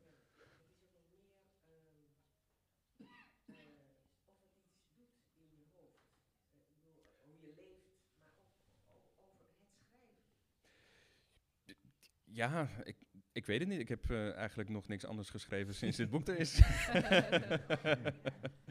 dus dat zal de tijd uitwijzen. Ja, ja, denk ik wel. Zullen we nog een laatste vraag doen, mocht die er zijn? Zo niet? Nee? Niemand meer met een vraag? Ehm, nou, ik, eh, ik wil jullie nog één keer wijzen op eh, de boeken, natuurlijk. Ehm, Alexandra van, eh, van Lisa ehm, is daar te koop bij Stan dadelijk. Maar ook Het Huis aan het Einde van, eh van Eerwan. Het zijn, eh, mocht je ze nog niet allebei gelezen hebben, dan is dit nu je kans. Het zijn allebei ehm, bijzonder goede boeken. Het zijn allebei debuuten, hè, dat moeten we niet vergeten. Dat zijn schrijvers die ehm, op eh, verschillende manieren, ehm, we hebben ook wat overeenkomsten gezien vanavond, maar op heel verschillende manieren aan, een, aan een heel spraakmakend, wat mij betreft echt heel bijzonder debuut hebben gewerkt. Voor allebei de boeken geldt dat. Dus ik wil jullie enorm bedanken. Ik vond het heel fijn om een beetje op zoek te gaan naar wat de boeken verbindt, terwijl ze helemaal niks met elkaar te maken hebben. Toch wel. Ehm, zo, je zie, zo, zo, zo, zo zul je dat altijd zien. En ehm, ehm, ja, jou, Lisa, wens ik eh, heel veel sterkte toe in deze klote tijd, eh, want dat is het. En eh Erwan, ja, ik, ehm, je hebt me toch wel, ik hoop misschien meer mensen hier, maar je hebt me toch wel een beetje aangestoken met... ook zo, door het, lezen was natuurlijk al een stap, maar nu zo over te praten, denk ik, nou, het, het, ehm, het is een mogelijkheid. Ja, ja dat is het zo. Mag ik een applaus voor en?